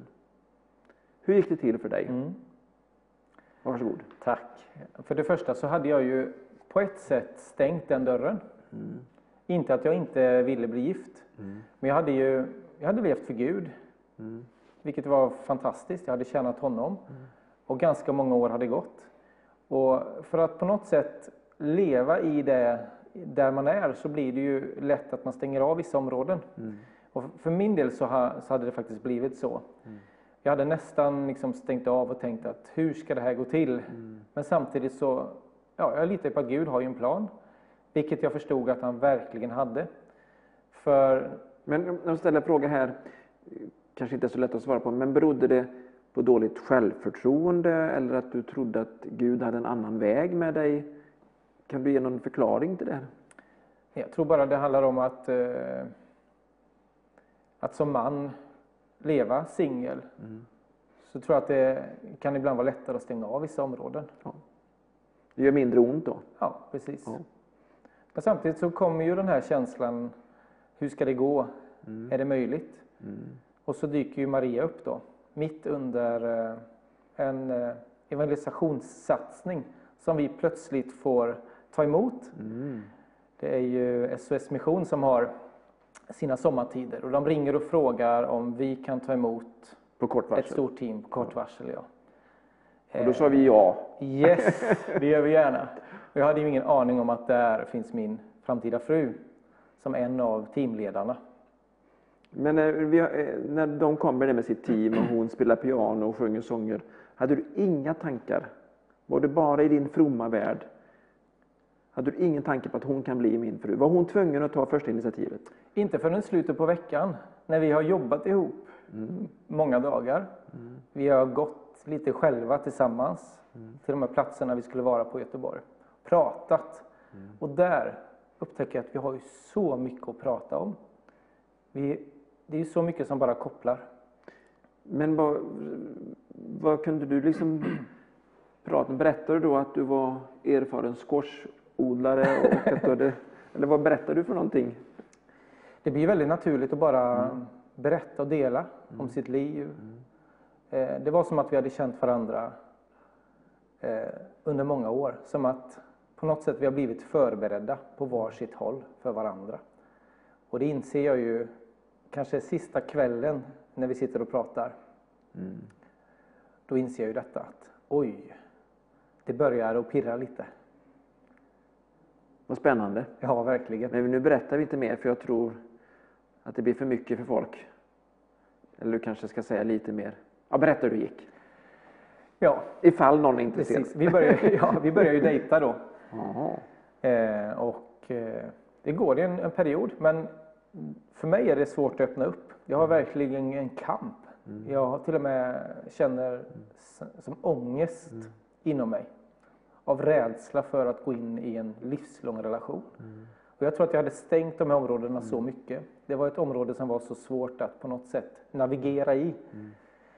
Men eh, jag vet att jag till och med ber och fastar flera dagar då för att det ska bli ett genombrott på insidan. Våga kasta mig ut. Och det är en process. Det är en tuff process faktiskt. Och jag, jag tror att det är fler som kanske kan identifiera sig och som, som kan få på något sätt styrka i att våga ändå. Våga gå vidare. Men det finns också många goda människor som stöttar runt omkring. Och som också vågar säga de där obekväma orden att liksom, missa inte det här. Ser du inte vad Gud har ställt framför dig? Och det tog ett tag innan eh, jag fick mina ögon öppnade fullt ut och faktiskt vågade fria. Och det var inte Maria som friade, det var jag som gjorde det. Bra gjort. Men de stod säkert länge och väntade. Minst en månad, ett år, två år. Det var nog, eh, det var nog två år i alla fall vi processade, ja. Så håll ut du som har en trög gubbe eller trög kvinna. För det, ibland är det så att det behövs komma processer i våra liv och jag tror att en del sådana processer också handlar om att vi ska dö bort ifrån oss själva. För i ett äktenskap handlar det ju inte, inte om att få den bästa utan att bli den bästa. Att ge sig till någon annan. För det, blir det själviskt så kommer det att dö ut. Men blir det utgivande så kommer det att hålla. Så hur har det gått nu med Maria och efter förlovningen i, i England? Och, blev det något äktenskap? Det blev ett fantastiskt giftermål och Ja. äktenskap. Och så har vi förmånen att fått tre fantastiska flickor också. Som är 11, 9 och 7 år nu. Chanel, Celine och Estelle. Vad härligt, det lät som tre prinsessor. Kan man säga att det är också, ja. Ja, fantastiskt att du berättar det här och, och delar det här. Och du ska få berätta mer sån här konkreta böner. Du ska få berätta ett konkret bönesvar här. Du får välja vilket du vill. Mm. Vilket tar du? Jag tror jag ska ta det om, vårt hus. Ja, gör det. För det är verkligen ett, eh, ett väldigt konkret bönesvar. För när vi väntade vårt första barn så bodde vi i lägenhet. Eh, Vi är ju båda, jag är ju lantis, min fru är ju småstads, småstadstjej Från Tidaholm. från Tidaholm. Ja. Och jag är också västgöte. Och vi, eh, vi började be om, eh, om ett hus. Vi längtade verkligen efter om möjligt att ja, men bo i ett hus, kunna ha den Men hur bodde ni då? då? Bodde ni i, lägenhet eller ute i skogen? Eller? Nej, vi bodde i lägenhet uppe i Bergsjön. Ja. Ja, fantastisk lägenhet. Men eh, vi kände ändå att vi ska, vi ska be frimodigt om hus. Och det, det började vi göra. Och vi började ju kika runt, började leta och, och så får jag ett, eh, ett bibelord till mig bara när jag läser i Apostlagärningarna. Så står det att Paulus att han hyrde ett hus. Jag tror det är i 28 kapitlet. Precis i slutet där. Och han undervisade människor i sitt hus. Och när jag läser den där versen så bara den, den liksom hoppar upp. Blir sådär som att den här kan jag inte släppa. Fantastiskt. Jag delar det med Maria och vi fortsätter att be och söker Gud. Och sen eh, och så är det ett område som vi är lite intresserade av där det finns en husvisning. För vi kände att vi vill bo i Bergsjön, det är dit Gud har kallat oss. Men varför vill ni bo i Bergsjön? Det kan ju folk inte fatta. Det finns så många fina, trygga, lugna, sköna platser. Du Ja. måste förklara det. Eh, från början, flytten dit för min del, var ju att jag upplevde så starkt att Gud talade just om platsen. Det var ju en väldigt föraktad eh, plats, framförallt på i början av 90-talet. Det var ju mycket gängkriminalitet och skjutningar. Och eh, just Bergsjön var ju nyheterna. Och jag, jag tänkte mycket i början på just för Jesus, han var bara tvungen att gå igenom Samarien, står det. Också en föraktad plats. Och jag tror att Gud har en kärlek till de här platserna. De här föraktade platserna. Och till de människorna som bor där. Och till de människorna framför allt. Ja. Så jag tror ju att eh, Gud har en plan, men också att kunna bo där man verkar. Och nu när det kommer till den här visningen, Då Vad sit- händer då? Då sitter det någon i lekplatsen, lekparken. Ja. Då har ryktet gått att vi ska titta på eh, en, en husvisning. ja, några vänner i församlingen då, Ja. vars bekanta då hade ett hus där. Mm.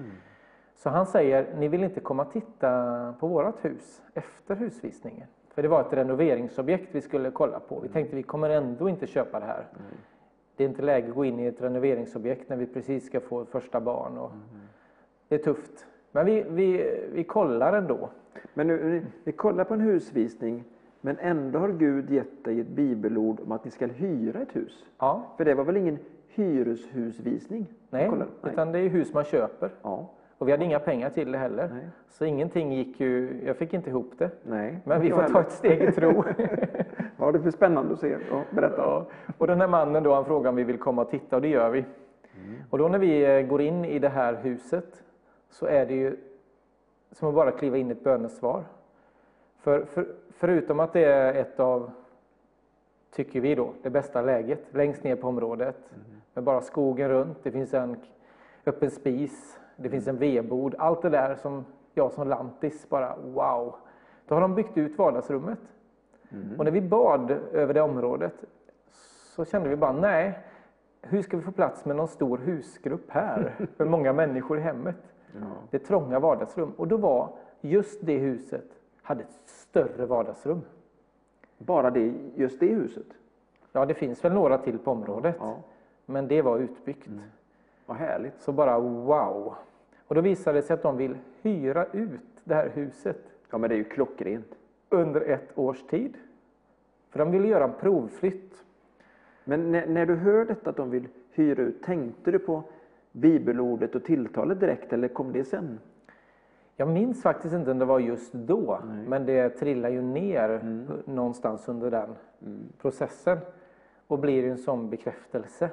Och det gör ju också att vi vågar ju ta det här steget att faktiskt på prov hyra det här året. För vi får inga garantier att vi kommer kunna bo kvar efter det här året. För de gjorde en provflytt. Då förstår jag. Så ni tog ett steg i tro och den här, det bibelordet som du fick blev som en bekräftelse på att ni är på rätt väg. Att ni Ja. ska inte köpa nu, utan nu är det dags att hyra. Precis. Och under det här året så löser sig också finanserna. Mm. Så vad hände efter ett år? Under ett år bestämmer de sig för att eh, vi kommer bo kvar nere i Skåne och vi vill sälja huset direkt till er då. Så då har vi möjlighet att göra det. Under det året så händer saker eh, i familjen som möjliggör också att eh, kunna ha den insatsen som behövs då för att kunna gå till banken. Hade det här hänt ett år innan hade vi inte kunnat köpa huset. Så under det här året så öppnat sig också den möjligheten då att kunna faktiskt ta ett banklån och köpa det här huset. Ja, vi var så tacksamma. Det förstår jag. Och det är ett välsignat hus och ni har samlat så många människor i ett hem. Och eh, många husgrupper som har varit där, många gäster. Och du ska få lyssna mer om det här, för det här handlar ju om, som du förstår, Guds ledning men också församlingsliv, gemenskap, utgivande. Det som Gud har tänkt. För Gud har inte bara tänkt att vi ska ta emot Jesus och sen ska vara räddade för evigheten. Han har tänkt att vi ska bli frälsta, få våra synder förlåtna, men också gå in i förutberedda gärningar, få gå in i hans plan. Det kan vara en kamp många gånger därför att vi har ett kött, en gammal natur, som inte vill gå med Gud. Men vi har också fått en pånyttfödd ande som hela tiden vill tjäna Gud, som hela tiden vill behaga Gud. Och den heliga Ande hjälper oss att göra det som han har tänkt, inte i vår egen kraft, utan i hans underbara gemenskap, i hans kraft. Och du ska få lyssna till mer i den här intervjun, så häng kvar, scrolla inte vidare. Lyssna till den här sången först. Sverige Live, Christian Wendersten här och eh, du är så varmt välkommen att också göra som många andra. Skicka en gåva. Vi bygger ju en ekonomisk mur kring TV Vision Sverige och eh, det är så härligt med givarna. Vi har eh, Anette Johansson som är med och ger, Margareta Sigblad och Ramona Åkerlund. Guds välsignelse över er. Elisabeth Hellerby, Christian Malm Bertil Berntsson, men också Birgitta Amundsson, Dorothea Hansson, Sune Sundberg, Marianne Westberg och Tony Karlsson. Donald Bergagård skickar eh, födelsedagsgåva Eh, och då går pengarna till TV Vision Sverige. Gavdat, han har ju fyllt år. David skickar gåva, Björn Eriksson, Rune Rubensson och Oskar Korén, Per Jakob, Rolf Svano, Anna-Lisa Johansson, eh, Karin Maria Wiberg och många fler är med och ger många generösa gåvor. Tack ska ni ha, ni är fantastiska. Det, det är 80 stenar än så länge i november och ännu fler ska det bli. Och du kan vara med och ge 500 kronor varje månad och på så vis vara en regelbunden givare. Du kan ge också en valfri summa, det går att ge både mer och mindre naturligtvis. Och så ser du att det här byggs upp och du ser här på på grafiken hur mer och mer kommer in. Och vi önskar att du ber en bön, vad du kan ge, vad du kan bidra med. För Jag tror att du förstår själv att det behövs pengar. Jag brukar säga penningen, det är en usel herre, men en god tjänare. Och vi har hört vittnesbörden om vad Gud gör i våra hjärtan när vi ger. Vårt tionde, det tillhör eh, Gud redan och det ges till förrådshuset, alltså församlingen. Men vi är också med och ger offer. Vi ger offergåvor, sånt som kostar på. Som vi hörde Jonathan berättade, man ger en gåva. Och du kan vara med och ge till TV Vision Sverige och välsigna det arbetet. Om du ser det som en åker som behagar Gud, då sår du din gåva i den här åkern. Så vet vi att Gud är med och ger en växt och så får du vara med och se en skörd, en välsignelse så att människor får höra evangeliet, så att människor får en uppmuntran i sin tro. Fantastiskt! Gud välsigna dig. Jag har kvar här vår sista gäst för idag, Boris Nilsen, eh, min eh, kollega som jag är så väldigt glad över. Men du jobbar också som elektriker. Ja. ja. Och då tänker en del, men räcker det inte med att bara vara pastor? Varför är du också elektriker? För du började ju inte som elektriker. Berätta lite om hur Gud har lett dig i arbetsval på olika sätt. Mm. Jag har alltid haft en, eller sen jag berättade innan när Gud började tala om eh, kallelse, mm. att tjäna honom. Så jag har förstått att jag kommer att liksom jobba i församling mm. på ett eller annat sätt. Vilket jag gjorde redan i min hemförsamling. Mm. Där jag var deltidsanställd och jobbade som ungdomsledare. Och så kände jag kallelsen då till Bergsjön mm. och började jobba mer pionjärt. Jag fick ju ganska tidigt en deltidsanställning också i den mm. församlingsplanterarföreningen mm. som, vi, som vi startade hela med då. Mm. Och eh, för mig har det varit fantastiskt att kunna ha också en, liksom flera anställningar eller flera mm. jobb parallellt. Mm. Att kunna bli frigjord mm. deltid då till församlingstjänst på det sättet. Man kan ju tjäna såklart bara ideellt och den tiden man har. Men eh, jag har också haft en längtan att kunna frigöra ännu mer tid då. Mm. Och det har jag haft arbetsgivare som har, som har förstått det och som har kunnat liksom, frigöra mig deltid då till församlingstjänst. Men vad gjorde du i skogen? Ja, sju, sju år. Sju år i skogen. Var, det, Sju, var det goda år eller var det svåra år? sju regniga och soliga. Och Ja. det var sju eh, både tuffa men otroligt nyttiga år. Men jobba i skogen, för mig som öbo tycker inte jag det finns någon årstid som det känns bra. En del kanske tycker att vintern är ju hemska och somrarna är alldeles för varma, hösten är för regniga och våren kanske är våren. Men du jobbade där året runt i skogen. Det som man brukar säga till barnen. Det finns inget dåligt väder, bara dåliga kläder. Det finns fantastiska vinterdagar. Krispiga, någon minusgrad, lite pudersnö och det finns soliga fina höstdagar. Goa vårdagar och fina sommardagar. Men det finns också mycket tufft.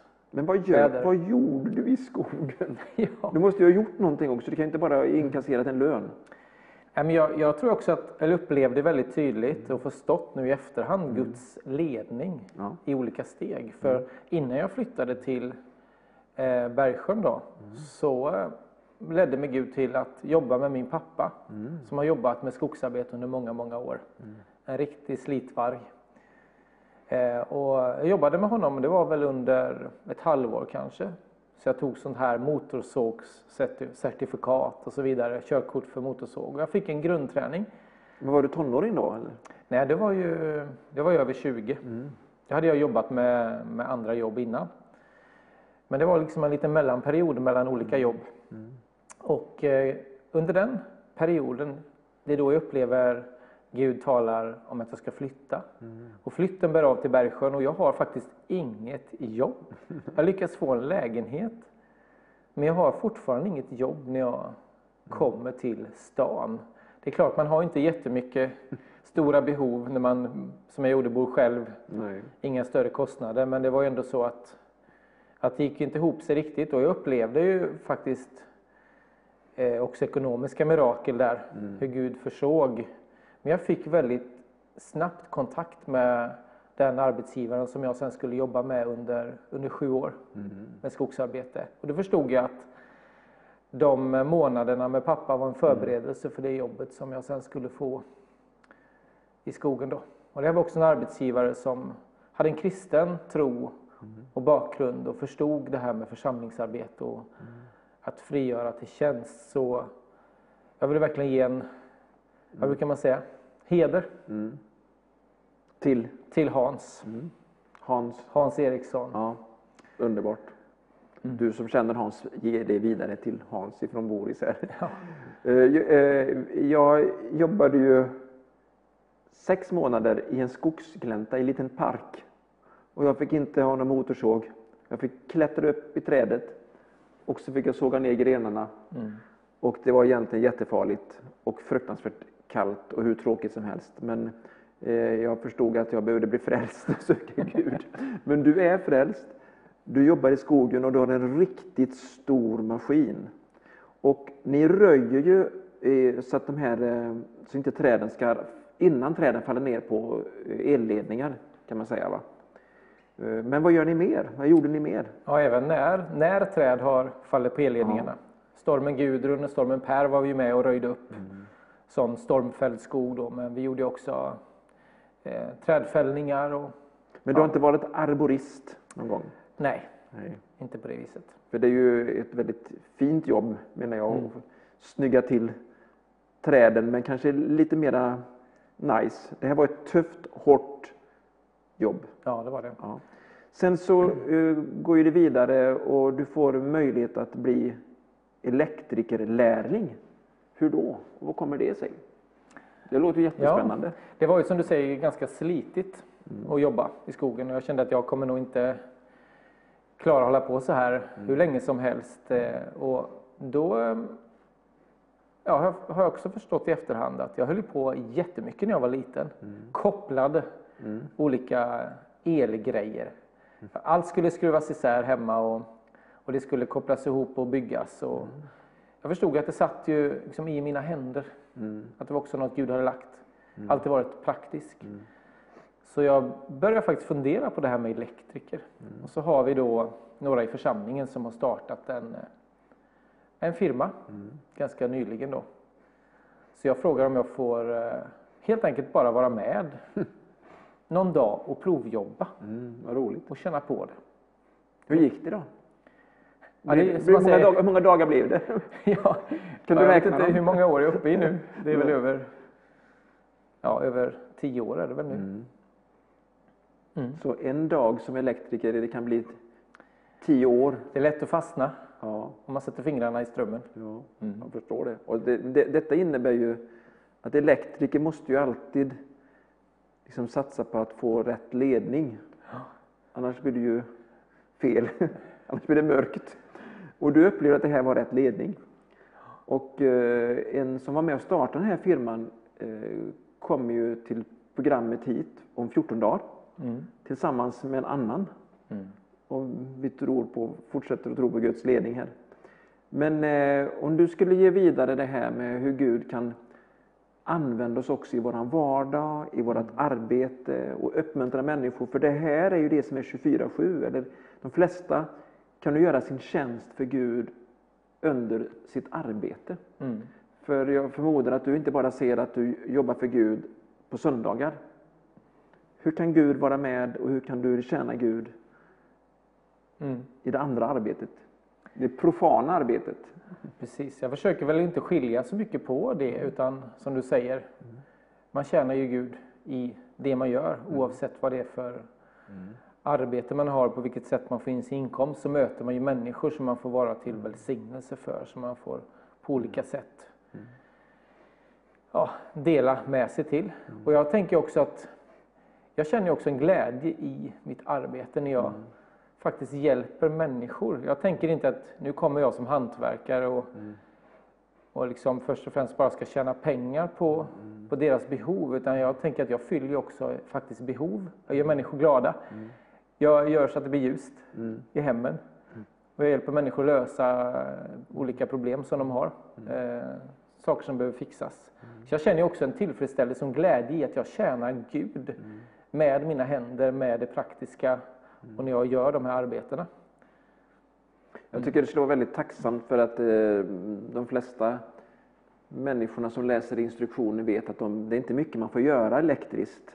Eh, Om försäkringen ska gälla så ska man eh, låta en hantverkare, en auktoriserad elektriker göra det jobbet. En glöd, glödlampa får ju fortfarande skruva i men när man, man ska börja byta grejer och göra förändringar och, och så, här, så måste det vara en riktig hantverkare. Eh, och du, du är ju en praktisk man, det vet jag. Eh, men om du skulle berätta här just vad, för du pratar ju här om att du kommer med och för in kraften och ljuset i huset. Och det här är ju också en bild på vad en evangelist gör i församlingen. Han kommer med the, the power into the house, alltså med, med Guds kraft in i Guds hus. Och jag vet att du brinner av det här att få in unga människor i, i, i, i Guds kallelse. Och om du skulle få dela här vad du liksom önskar mest av Guds församling och hur vi ska förvandlas och förändras så att människor utifrån ska känna sig välkomna in i Guds hus och utsända ut till människor. En liten utmaning. Verkligen. Hur gör vi då? Ja. Behöver vi förändra oss våra kyrkor eller kan vi bara fortsätta och följa den nedåtgående trenden? Jag tror ju verkligen att det är en utmaning att leva i förändring och förnyelse. Jag tänker att varje generation behöver vinnas på något sätt. Att eh, varje generation behöver förstå och få upp ögonen för Guds rike. Och det tror jag man kan aldrig sätta sig ner och slå sig ner att men nu har vi nått den generationen. Och, Eller göra som vi alltid har gjort. Utan jag tror verkligen att vi, vi har verkligen en utmaning som kyrka. Och vad behöver vi göra för att vara mer välkomnande? Eller hur ska vi kunna komma ut mer? Förutom det vi gör här i programmet. Ja, men alltså jag tror att det börjar ju framför allt med ens egna hjärta och ens egna inställning, attityd och, men också att man alltså är förnyad i relationen med Gud själv. Jag tror att där börjar det ju, för jag, där utgår också liksom det livet, den kärleken till andra människor.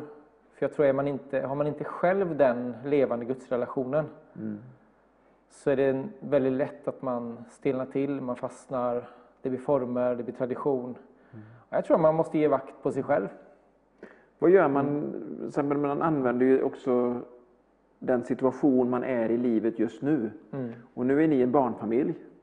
Och ni bor i ett, eh, ett fint område nära en sjö, visserligen i en föraktad stadsdel, men det är ändå som en, en oas i den stadsdelen. Eh, Och vi pratade förut här om husgruppens betydelse. Hur kan man använda sitt hem? För jag tror att Gud hade en tanke när han säger Gör som Paulus, hyr ett hus. Ja. Han har en tanke när det gäller hus och kallelsen för er. Vad kan man göra i ett bostadsområde? Nu får du bara tänka fritt kreativt. Ja, ja precis. Ja, men alltså, först och främst handlar det om att, att våga ha relationer. Vi har ju förmånen att få bo i ett radhusområde och där, där möter man grannarna hela tiden. Och Jag tycker det är så fantastiskt roligt att kunna ha de här relationerna som blir väldigt naturliga. Att man når ju ut till sina grannar på ett väldigt naturligt sätt. Men kan du ge exempel på det här eh, utan att lämna ut någon, hur det kan fungera när du känner wow, det här är, det här är bra. Jag tänker på barnens aktiviteter och det som händer. Ja men precis, alltså, som du säger som barnfamilj så möter man ju eh, alltså, familjerna på ett naturligt sätt. Men också, jag tänker som vi har gjort, vi har bjudit med eh, grannbarn till kyrkan.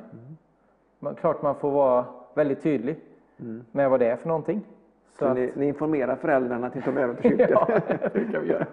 det är det är väldigt roligt faktiskt och de tycker det är roligt att följa med till kyrkan. Och det tänker jag också att det har man en utmaning att, eh, att skapa en, en miljö där barnen kan möta Gud och där man faktiskt kan ta till sig liksom budskapet om Jesus på ett sätt så att man förstår. Där tror jag vi har en utmaning också att nå varje generation. För ingen generation är ju den andra lik. Ehm, Så jag tycker det är, det är jättebra att kunna nå familjer just genom barnen. Det blir väldigt naturligt. Va- Nu kan ju du inte med och säga det, men jag vet ju det att du går in till någon granne och så hjälper du dem med någonting praktiskt. Eh, Om jag skulle gå in till en granne så skulle de undanbe sig. De skulle inte vilja att jag gjorde någonting praktiskt för det är inte min gåva. Men man kan ju alltid hjälpa till med någonting som man är bra på. Eh, vad tror du att det, man, vi kan göra med de gåvorna vi har för att människor ska öppna sig för evangeliet? För att det är ju inte bara att gå på människor om det inte finns ett förtroende. Det, det är lite svårare, men när det finns ett förtroende uppbyggt. Jag tänker på det här bibelordet. Jag vet alltså vad fruktan för Herren är och försöker därför vinna människor. Eh, andra eh, Korintierbrevet 5. Så handlar ju det om att, att bygga upp ett förtroende för Gud. Ordet vinna betyder bygga förtroende. Och vad kan vi göra? För att det, på något sätt så har vi ju inte lyckats med det här eftersom människor inte vill höra om vårt budskap för att de inte litar på oss. Litar inte på den Jesus som ser i oss. Du berättade här förut att du såg Gud i människorna i kyrkan. Din ungdomsledare gjorde det här goda, körde med sin röda bil. Människorna, kompisarna som hade med Gud att göra, fick det att lyssna. Vad ska vi göra? Kan du ge exempel? Jag tror att, ja, bara fortsätta ta varje tillfälle. Som med grannarna, det handlar ju om att vara med. Bara som nu när vi, det blev en spontan eh, fiskgrillkväll här nu i, när var det, i slutet på augusti, början av september. Att man är med, man bygger förtroende, man river ner fördomar. Jag tror att många tänker, ja, det är den där, kan tänka att det är den där kristna familjen. Och jag tror att där har vi också otroliga möjligheter att vi river ner de där förutfattade meningarna om vad en kristen familj är och visar glädjen, visar kärleken, omsorgen.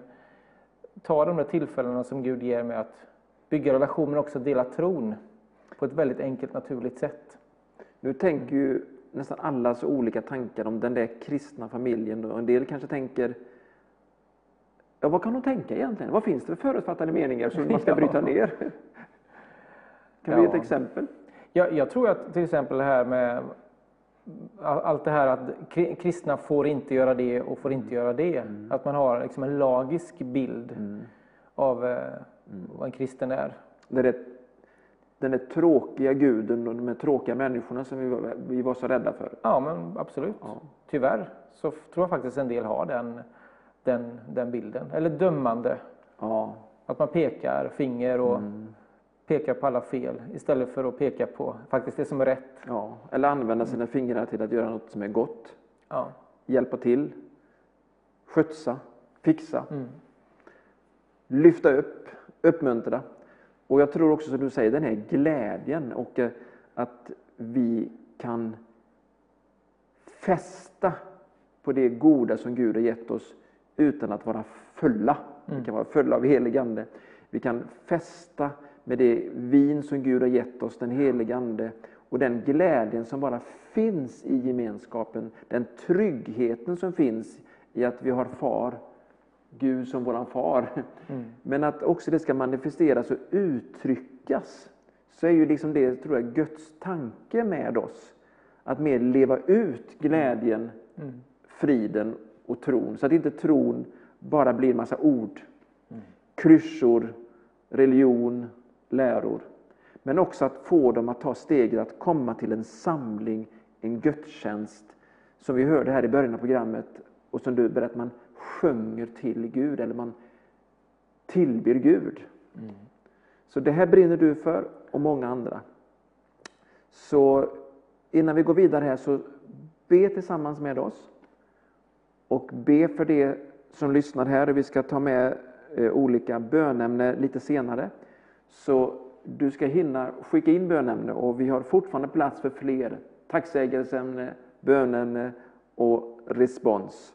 Så skicka det kommentarsfältet via Facebook eller skicka ett sms och du får lite information om här under hur du får kontakt med oss, sms eller kanske till och med mejla in. Så gör gärna det nu och nu ska vi be speciellt för dig. Du som vill vara med och sprida tron vidare eller du som vill omfatta den här tron och bryta ner fördomar, öppna ditt hem, börja liksom ge evangeliet. Så varsågod Boris.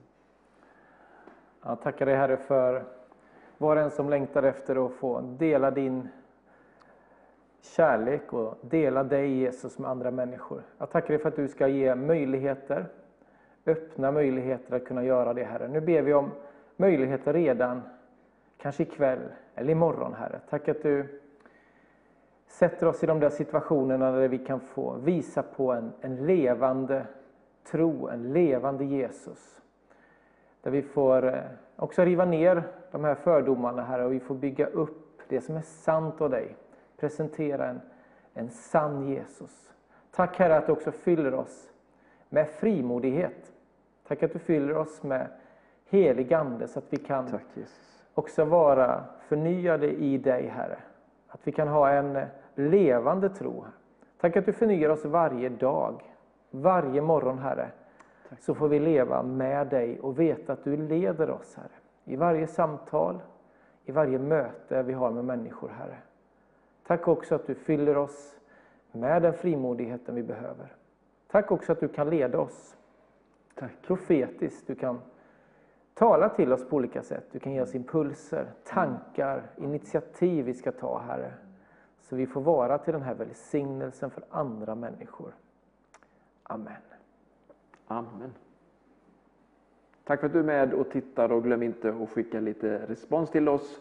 Och strax ska du få lyssna när Boris talar in en väldigt speciell hälsning till dig. Men det tar några minuter. Först en sång. Varsågod. Hej! Boris Nilsson heter jag. Så roligt att få tala till dig en liten stund här. Jag har berättat innan om att när jag var, var barn så var jag inte särskilt eh, mottaglig för, för tron, för Jesus, för Gud. Utan jag var eh, till och med negativ och hade liksom ett, ett motstånd. Så det dröjde ett antal år innan eh, jag började att öppna upp mig för det som hade med tron att göra, de här eviga värdena. Och eh, jag har tänkt på ett bibelsammanhang där det faktiskt var så. Jesus han blev inte mottagen på alla ställen heller när han gick här nere på jorden. Eh, utan han, han blev faktiskt avvisad. Och när han var i, eh, i sin hemstad så hade de svårt att ta emot Jesus. Det stod att de tog anstöt av honom och de undrade vem är han som kommer och säger alla de här grejerna?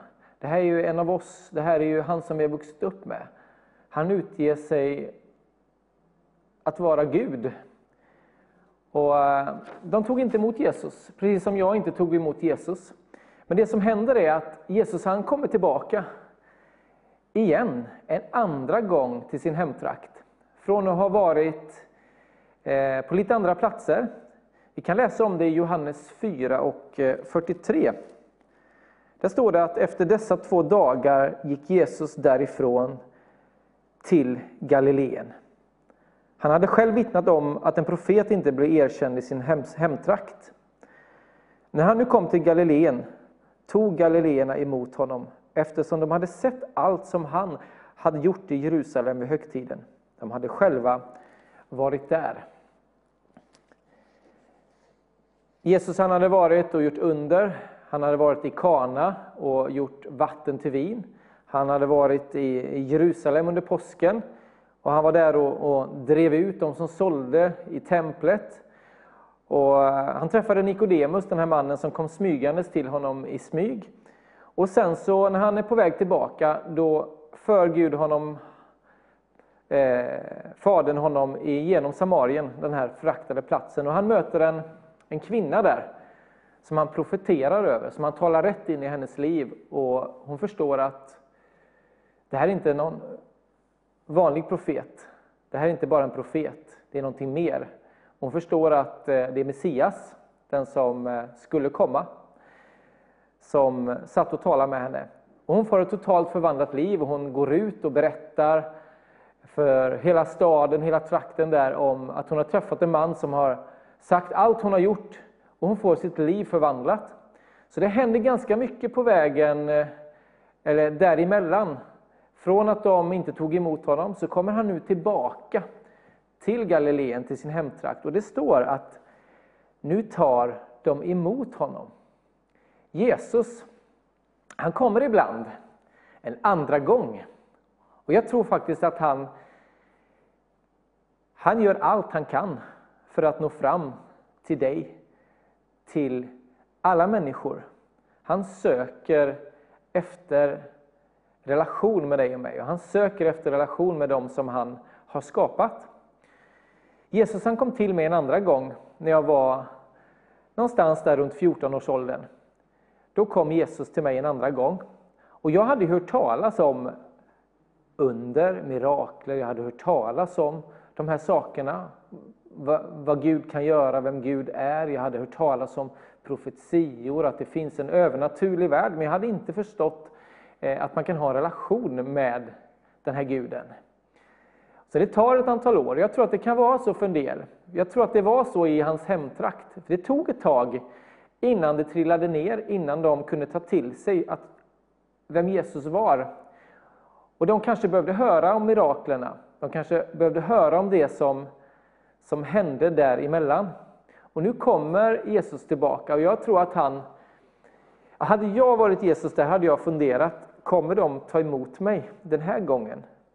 Nu när jag kommer tillbaka till min hemtrakt igen, kommer de att avvisa mig även den här gången eller kommer de att ta emot mig? Och Det fantastiska är att precis som jag berättade om innan, som det var i mitt liv, så var det en, som en sån här U-sväng. Det hade hänt någonting i deras attityd, i deras hjärtan och de tog emot Jesus. Ibland är det så för oss att det, det behövs och behöver vara en process. Jag tror för de flesta så är det en process i våra liv att kunna ta till oss någonting, någonting nytt. Och för mig var det ju någonting nytt. Att Jesus han, han är en levande person som man kan ha en relation till. Han är universums skapare. Han är någon som är verklig idag. Det är någon som, eh, som jag kan lära känna.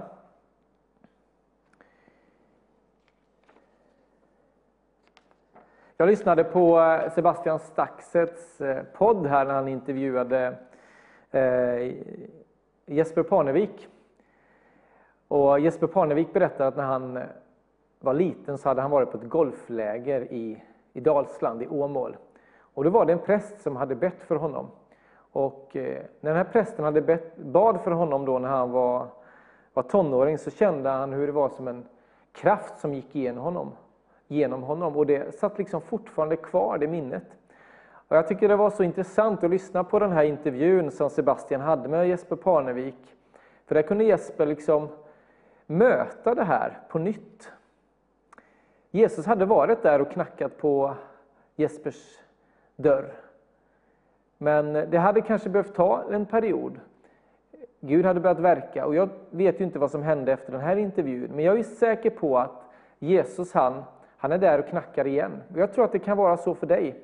Du kanske har, eh, precis som eh, Jesper Parnevik, varit med om någon som har bett för dig. Du har kanske upplevt Guds närvaro, Guds kraft. Du kanske har varit med om ett mirakel personligen, ett bönesvar. Du kanske har upplevt eh, ett mirakel, någon annan som har blivit helad eller du kanske har haft en dröm. Där du har drömt om Jesus.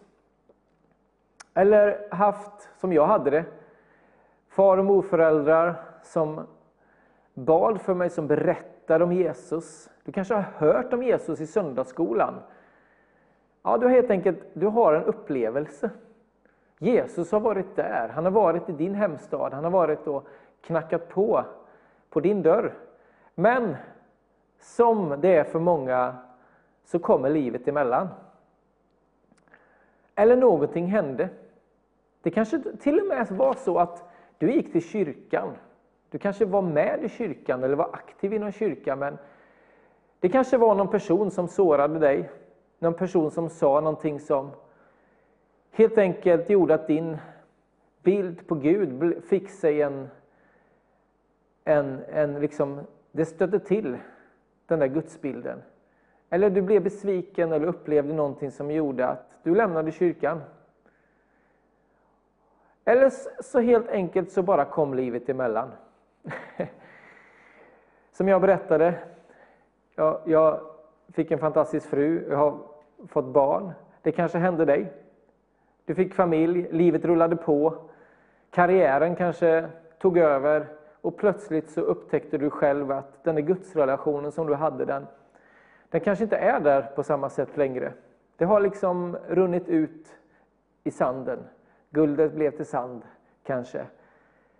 Men Jesus säger så fantastiskt att han har sagt att han kommer aldrig överge oss eller lämna oss. Han kommer aldrig sluta att knacka på, att stå där redo när vi kommer till honom igen. Och jag tror att det finns jättemånga som jag talar till ikväll som där Jesus kommer till dig en andra gång. Och jag tror verkligen att det är tid att ta emot. Att den här gången ska du inte göra som de gjorde i Jesu hemstad, där de stod emot. De tog anstöt av honom. Utan du ska våga öppna ditt hjärta och ta emot Jesus. Det är så enkelt. Du behöver inte krångla till det. I Romarbrevet 10 står det att med den som med sin mun bekänner och sitt hjärta tror att Gud har uppväckt Jesus från de döda, den personen blir frälst. Alltså räddad. Får en gemenskap med Gud, blir räddad ifrån syndens makt. Och Det som händer då det är att Jesus flyttar in. Guds ande flyttar in i oss. Och Vi får en, en levande relation med en levande Gud. Och Vi kan börja få eh, ha det här samtalet i bön, få börja lära känna Gud och få börja följa honom och bli en lärjunge.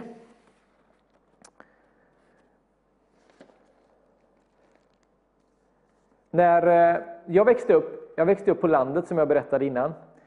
Då kom det väldigt många olika bilar hem till oss med olika saker.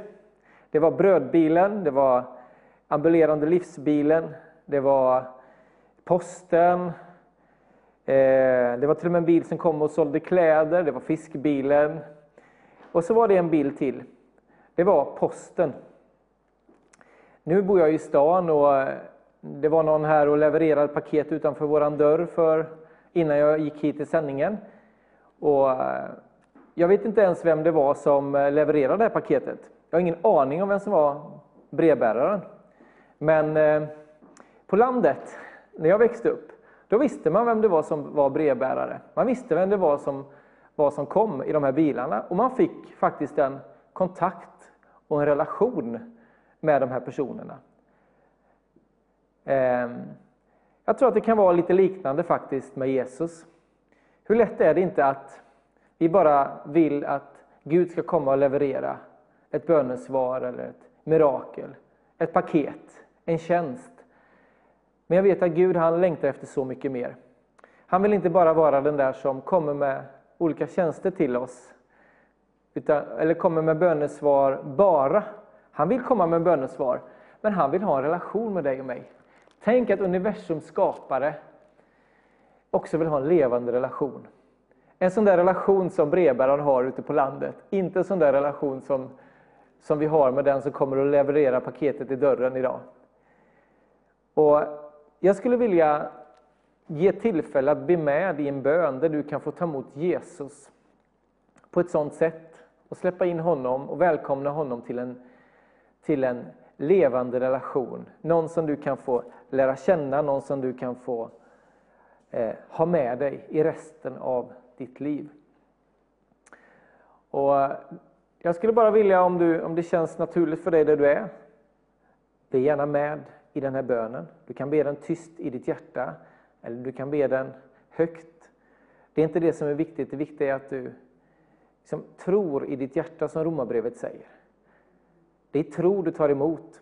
Man behöver inte förstå allt. Det gjorde inte jag när jag tog emot Jesus. Jag förstod inte allt i Bibeln, det gör jag fortfarande inte, hur allt hänger samman.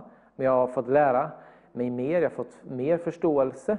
Men det är inte kunskapen som frälser, utan det är tron som frälser.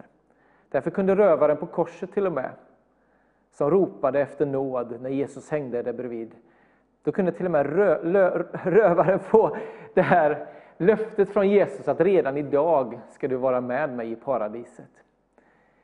Den tron kan du sträcka dig ut med. Om det så känns som ett senapskorn på insidan, så ta det här senapskornet nu och så be med mig i den här bönen. Tack Jesus att du kommer till mig än en gång. Tack att du bultar på min dörr. Och den här gången så vill jag släppa in dig i mitt hjärta och i mitt liv. Tack att du är verklig. Tack att du är en kärleksfull och sann Gud. Tack att du är god och tack att din vilja är alltigenom god och sann. Tack att jag får överlåta mitt liv, fortsättningen av mitt liv, till dig. Tack att du renar mig från all synd. Tack att du gör allting nytt i mitt liv. Tack att ditt blod på korset det räcker för att göra mig ren. Jag bekänner dig som Herre i mitt liv och jag tar emot din förlåtelse. Tack att du också fyller mig med din kärlek och din frimodighet.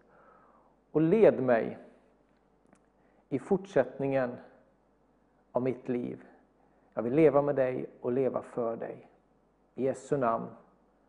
Amen. Sverige Live. Christian Wendelsen här. Och jag har ju Boris Nilsen, min kollega här eh, som fortfarande är kvar.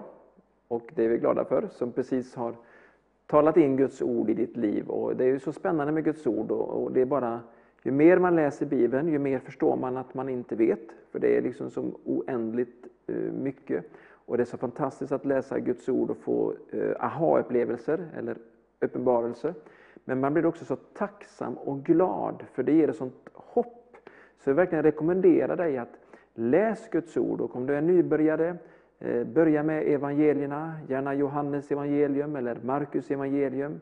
Läs ut det, läs noggrant, tänk på det och fortsätt och plöj igenom hela Nya Testamentet och lägg det som en grund.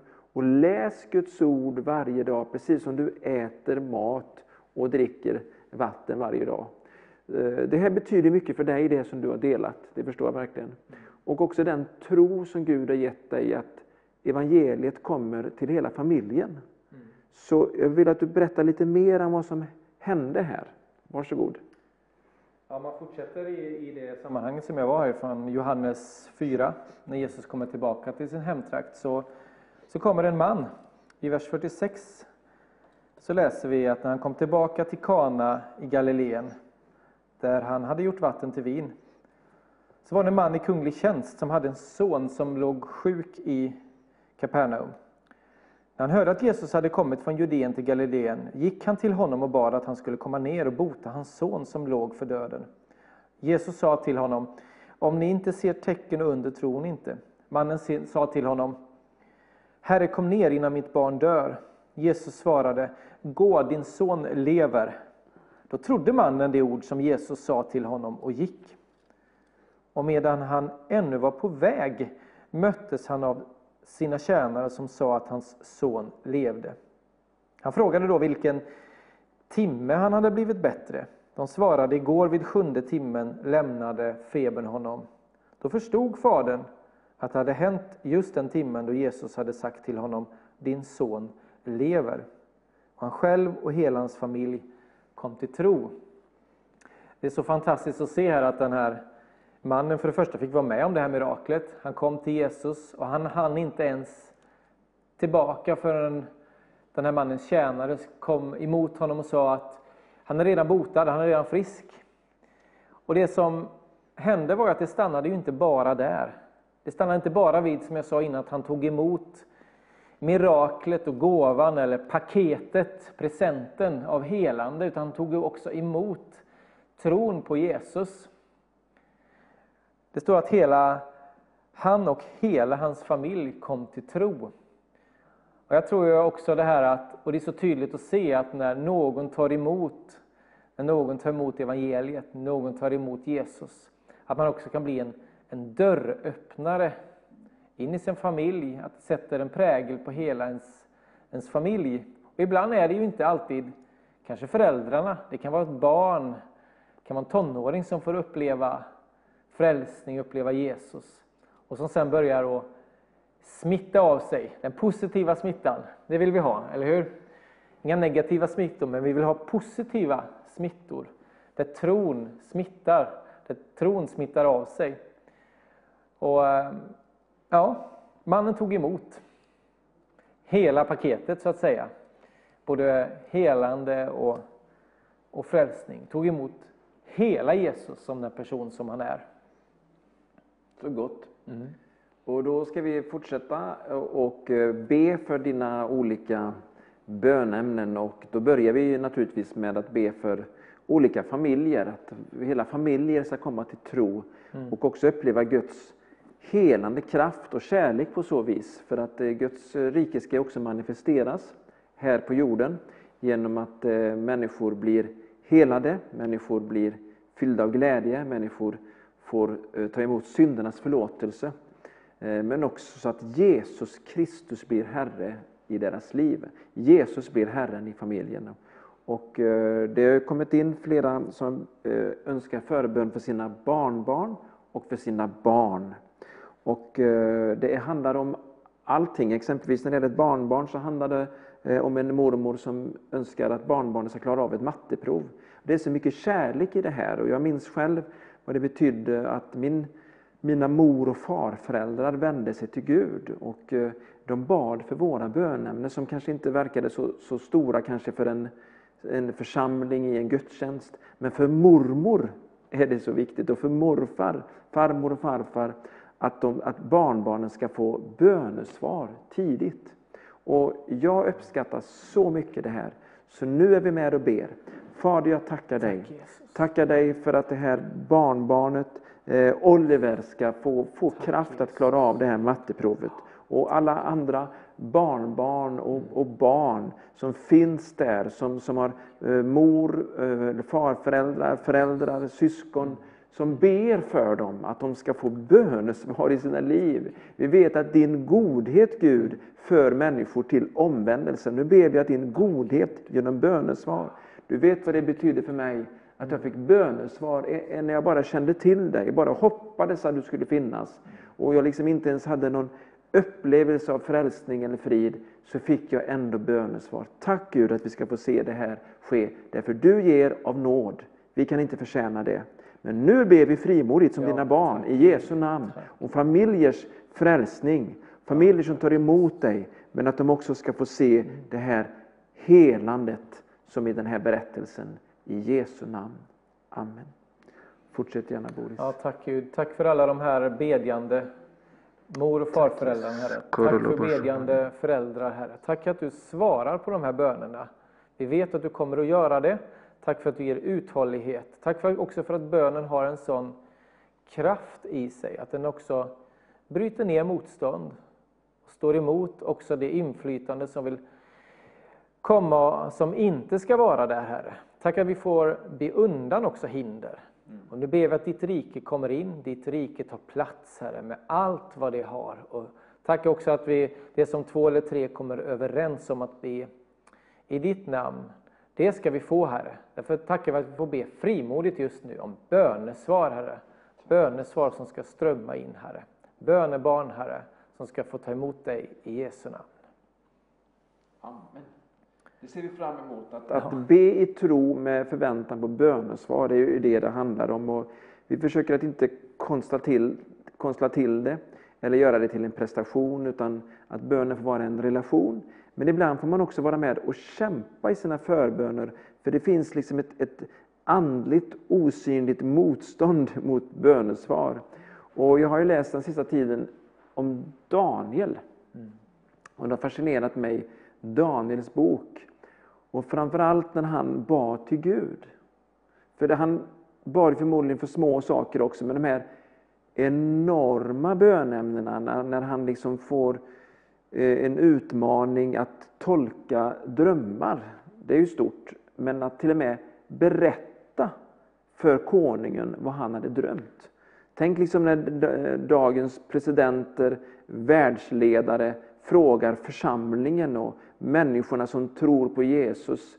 Eh, vad betyder min dröm? Eller vad drömde jag? Kan du uttyda drömmen? Och då finns det inga hokus pokusar eller new ageare eller, eller eh, visa människor i denna världen som kan ge den här uttydningen, ge sanningen eller berätta den här övernaturliga kunskapen om vad de drömde. Men Daniel han fick det här. Och detta ledde till att eh, den tidens härskare fick respekt och vördnad och började tillbe levande Gud. Det är fantastiskt och det kommer att hända igen. Det här kan hända för dig och det behöver inte vara världshärskare.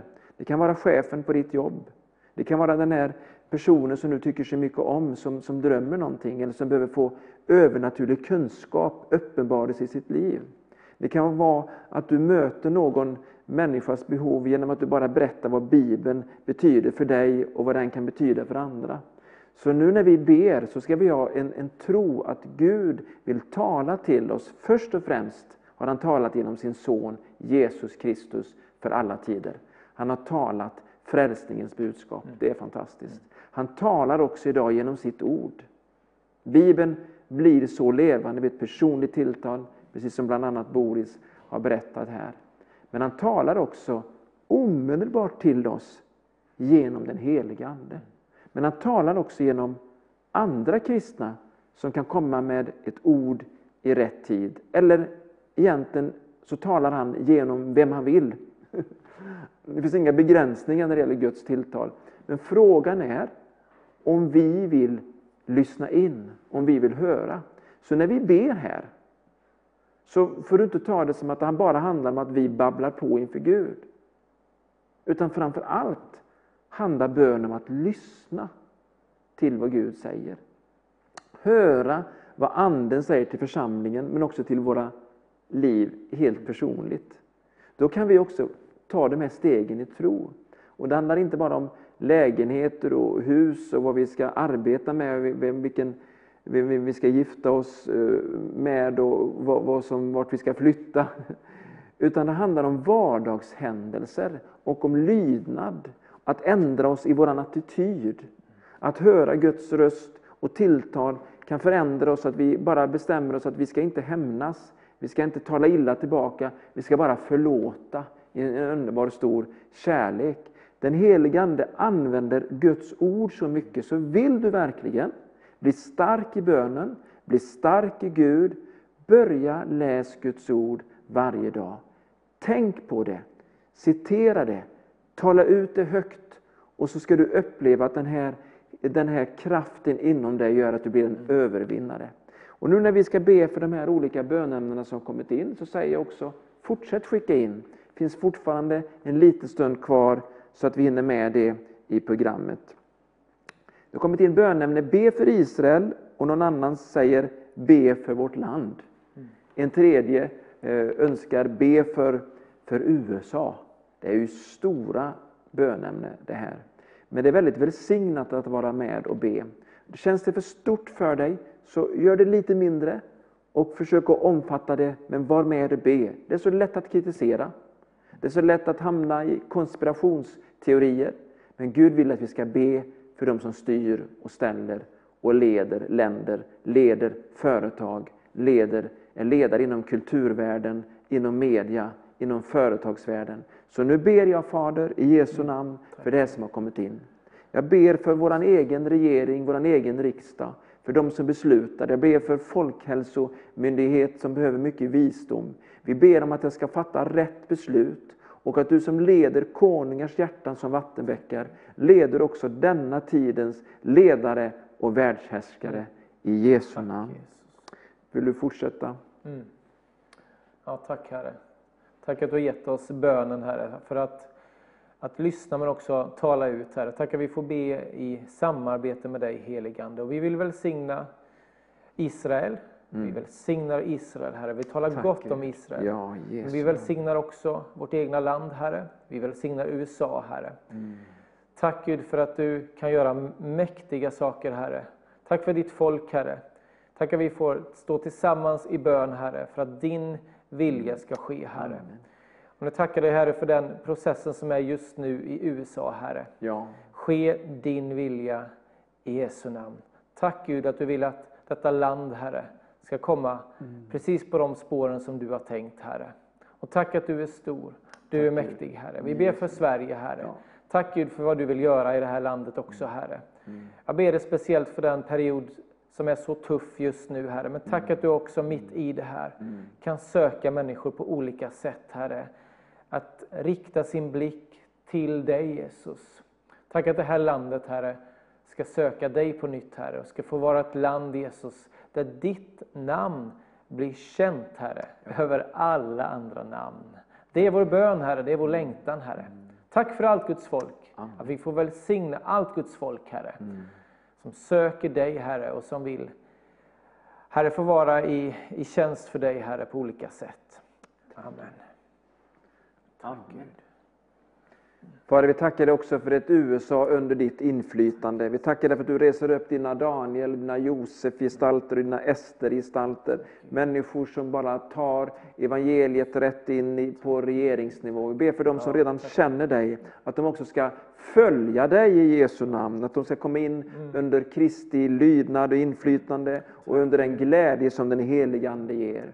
Vi ber att människor inte ska hänge sig åt konspirationsteorier eller lögner. Och vi ber att sanning och rättfärdighet ska komma fram. Och att de som, som, blir, eh, som kommer fram som ledare ska få vara ledda av dig. Att de ska ödmjuka hjärtan. Om de inte har det så ska de ödmjukas inför dig. Och du ska resa upp dem som du vill ska leda. Och du ska avsätta dem som ska avsättas. Men vi ber Gud om din hand, Herre. Vi ställer oss inte i kritikerledet, vi ställer oss i böneledet, Yes. i förbön för USA, Ja. i förbön för världsledare, i förbön att i Jesu namn rättfärdighet ska segra. För ditt rike, det är glädje, det är frid, men det är också rättfärdighet i den heliga Ande.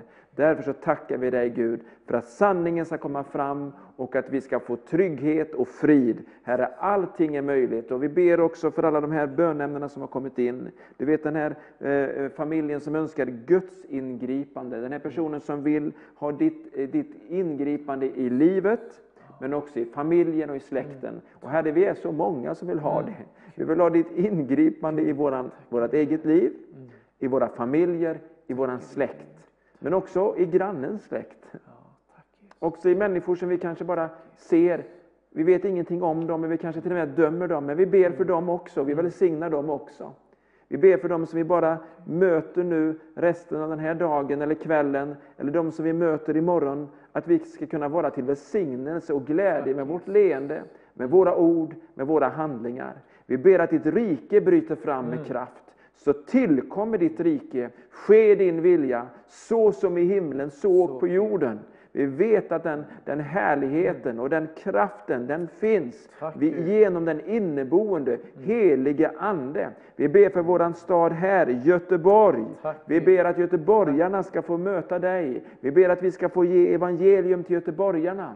Vi ber att budskapet om ditt rike ska komma fram och påverka alla olika delar i samhället i Jesu namn med ditt ljus. Vi ber för skolans värld. Vi ber för elever. Vi ber för lärare. Vi ber för skolledare. Vi ber om beskydd runt omkring dem. Att rätt beslut ska fattas. Vi ber för alla barn och lärare som är sjuka just nu eller som är i någon form av karantän. Att du ska möta dem i den situationen med hälsa och kraft och nytt mod och förmåga att fullborda sina studier. Vi ber för dem som är på gymnasium och universitetet, som vill studera, men på, på olika sätt så har det inte blivit det tempot, inte de resurserna. Men vi ber om din välsignelse över studenter, över lärare, över alla skolledare. I Jesu namn. Amen. Tack Jesus. Tack Jesus. Jag skulle bara vilja uppmuntra också nu när vi, när vi ber, så skulle jag vilja uppmuntra dig just till det här med bön. Jag nämnde innan att eh, under, under min uppväxt att Gud sökte mig och jag har ju förstått i efterhand att väldigt mycket till, som ligger till grund för det, det är ju människors bön. Jag är ju ett bönesvar. Det kanske låter förmätet att säga det, men jag kan inte ta åt mig äran. Det är Gud som har sökt mig, men jag vet att också att det är ett svar på bön. Jag har haft en familj som har bett för mig. Jag har haft eh, mor och farföräldrar. Som jag vet, jag tror i stort sett varje dag ber och har bett för, eh, för sina barnbarn. Och har bett för mig. Och jag kan ju se så här när man tittar i backspegeln och förstå att det är också den här uthålliga bönen. Du kanske tänker att varför händer ingenting? Varför ser jag inte liksom snabbare resultat? Men jag tror att väldigt mycket av det Gud gör sker i processer. Ibland får vi de här snabba genombrotten där det bara smäller till. Men jag tror att många gånger så föregås de här genombrotten också av eh, lång uthållig bön. Jag vet en av eh, ungdomarna som var ungdom i, i vår kyrka för många år sedan bad för sin klass under flera år. Och så kom det här tillfället där eh, det var en, en kvinna på besök i deras skola. En eh, skola som hade en kristen grund. Som öppnade upp. Och den här kvinnan kom och, och delade Guds ord på ett sätt så att de här eleverna tog emot. Och jag vet att vid det tillfället så var det en stor del av den klassen som tog emot. Och det blev ett bönesvar också för den här unga tjejen som hade bett för sin klass. Tänk att det blev ett genombrott. Det blev faktiskt ett, ett mirakel i den, klassen, men det föregicks av uthållig bön. Därför vill jag uppmuntra dig idag att ha den här relationen av uthållig bön. Där bönen inte är ett arbete, utan en relation. Men där vi inte ger upp, där vi fortsätter. Vi fortsätter att ber, ber för våra barn. Vi ber att det ska gå bra för dem. Vi ber att de ska hamna på, på den plats Gud har tänkt. Därför skulle jag bara också vilja be en, en bön till nu just för, för barnen. Barnen är, ligger på Guds hjärta. Det är också den generation som växer upp nu. Det är den kommande generationen, absolut. Den generation som kommer att leda vårt land. Men det är också den generationen som är nu. Gud talar till barnen, Gud använder också barnen. Därför så tackar jag dig Herre att vi får lyfta upp Tack barnen inför dig Herre. Tack att vi får var uthålliga i vår bön och inte ge upp.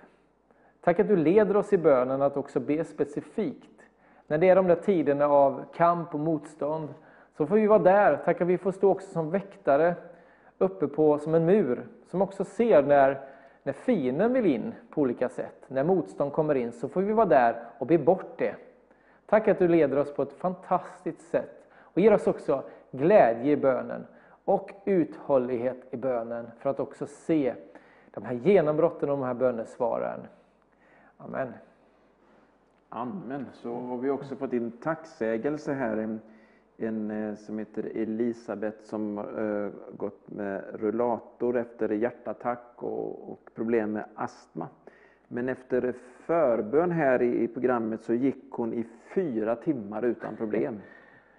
Det är ju nästan inte så att vi hade klarat av att gå fyra timmar utan problem. Så halleluja! Tack Jesus, ära vare Herren.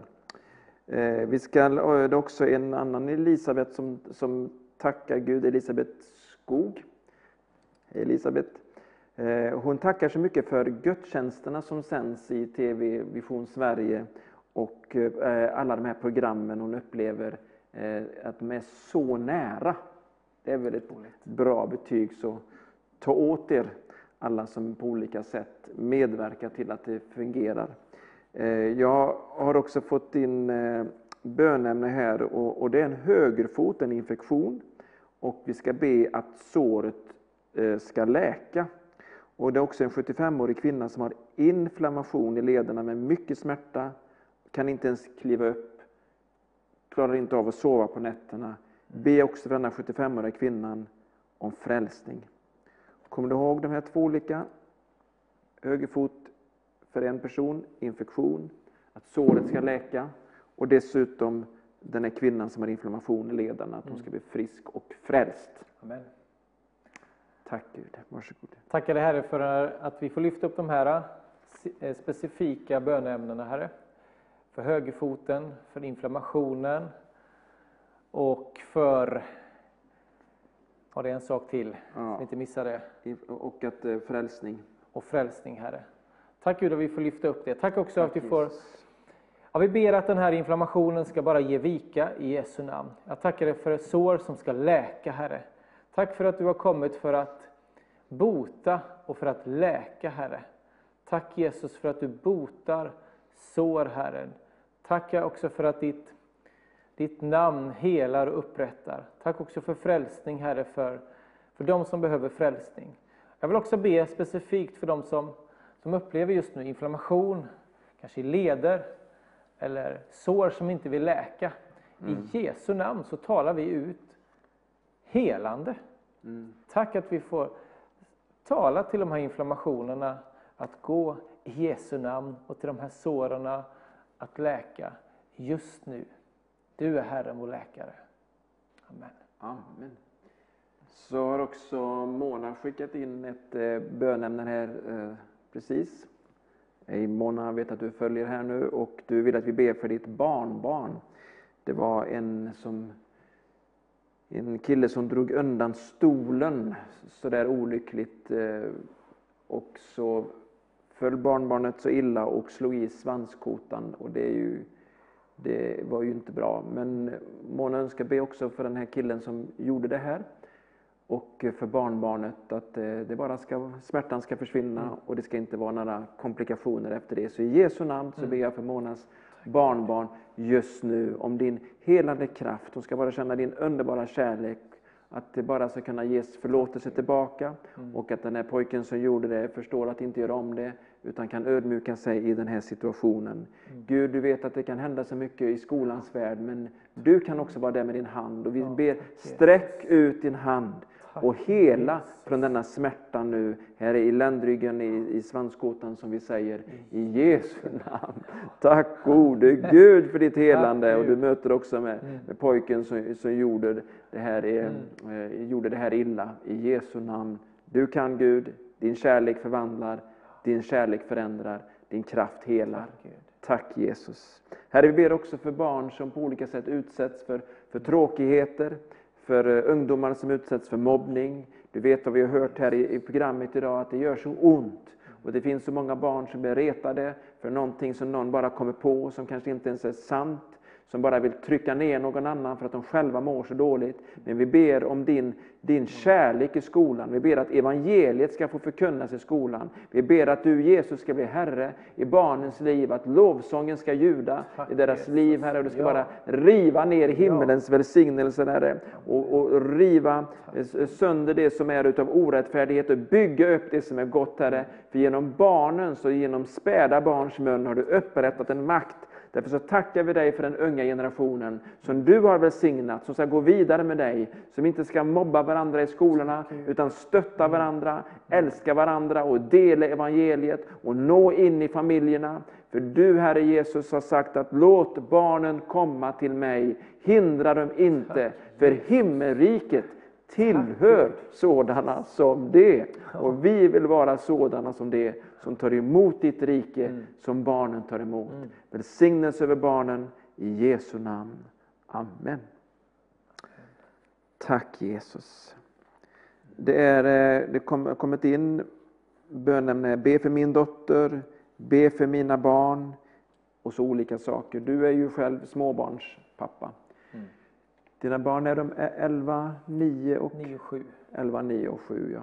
Och säkert många andra småbarnsföräldrar och säkert någon som kanske tittar här nu och in här mellan alla uppdrag och bara önskar be för mina barn också. Vi ska be för olika barnfamiljer i den situationen som du är. Och du vet hur det är att, hur svårt det kan vara att få ihop livspusslet. Känslan av att egentligen aldrig räcka till tidsmässigt eller omsorgsmässigt. Eh, föräldrar som, som kanske känner en ångest i detta, men också ensamstående föräldrar som kämpar en ganska orättvis kamp. Där vi bara ber att Gud ska få gripa in och hjälpa. Varsågod och led i bön. Och du som är med oss och tittar, ta en liten stund här nu, du är också med och ber för barnfamiljerna och barnen i alla dessa hem. Tack Så Jesus. glad att få be tillsammans med, med er alla. Som sagt, det kan vara en tuff period men också en, en period där Gud är med och ger visdom. Och därför så ber jag just nu om, om visdom, Herre. Tack för din visdom att du får vara med och lägga det här livspusslet som vi upplevt så många gånger, att du är med och leder. Även om det kan vara tufft många gånger och man undrar hur ska man räcka till. Vi räcker inte till, men tackar dig Herre för att du räcker till Herre. Jag ber speciellt för dem som är inne i den här tunneln av trötthet.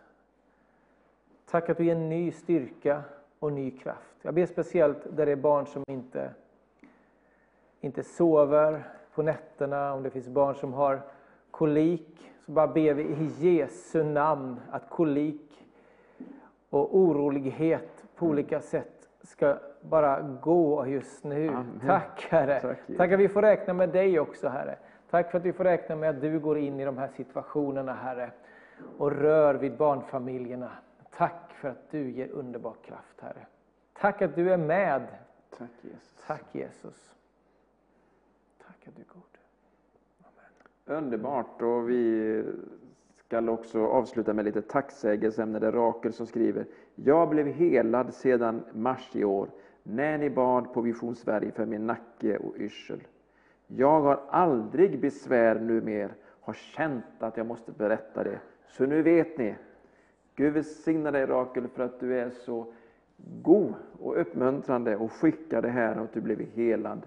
Det är ju fantastiskt och det är så mycket Guds kärlek och det är många som bara prisar Gud med oss i detta. Och vi säger halleluja! Och det är många också som skickar tack för bönesvar, tack för programmet. Och så önskar man be för oss om en välsignad ekonomi och be om upprättande och helande för vår familj. Och någon skriver, jag söker dig Jesus av hela mitt hjärta. Och så är man med och ber för de bönämnena som du har gett. Det är en väldig kärlek i det här. Och jag vill säga till dig som har just det här bönämnet när det gäller ekonomi. Eh, att ekonomi handlar om förvaltning. Man kan be om konkreta bönesvar. Man kan be om allting. Och bibelordet säger så här, gör er inga bekymmer. Utan när ni åkallar och ber, tacka då Gud. Och låt honom få veta alla era önskningar. Då skall Kristi frid, som övergår allt förstånd, Guds frid, Kristi frid, beskydda och bevara era hjärtan och era tankar i Kristus Jesus. Så du kan vända på det här. Din bekymmerlista gör du till en bönelista. Din oroslista gör du till en bönelista. Och så bara tackar du Gud för alla de här sakerna. Och så förväntar dig bönesvar. Du kanske inte får bönesvar direkt, men friden kommer i Jesu namn. Och ekonomi handlar väldigt mycket om att själv ta hand om det man har fått. Förvalta det man har fått. Ge det som redan tillhör Gud till Gud. Ge generösa gåvor. Visa kärlek. Och så är det precis som att godheten och nåden följer dig och du får komma i välsignelsens spår. Gud välsigna dig för att du varit med idag. Jag tackar dig Boris Nilsson. Tack för att jag fick vara med. Det har varit en stor förmån, fantastiskt. Och tack för att du har lyssnat, tack för att du har sett, tack för att du har delat vidare. Och fortsätt gärna en stund. Tacka Gud och be till Gud och var med imorgon också på Sverige Live. Det händer mycket härligt. Tack alla ni som varit med och jobbat. Guds välsignelse över er nu. Hej då!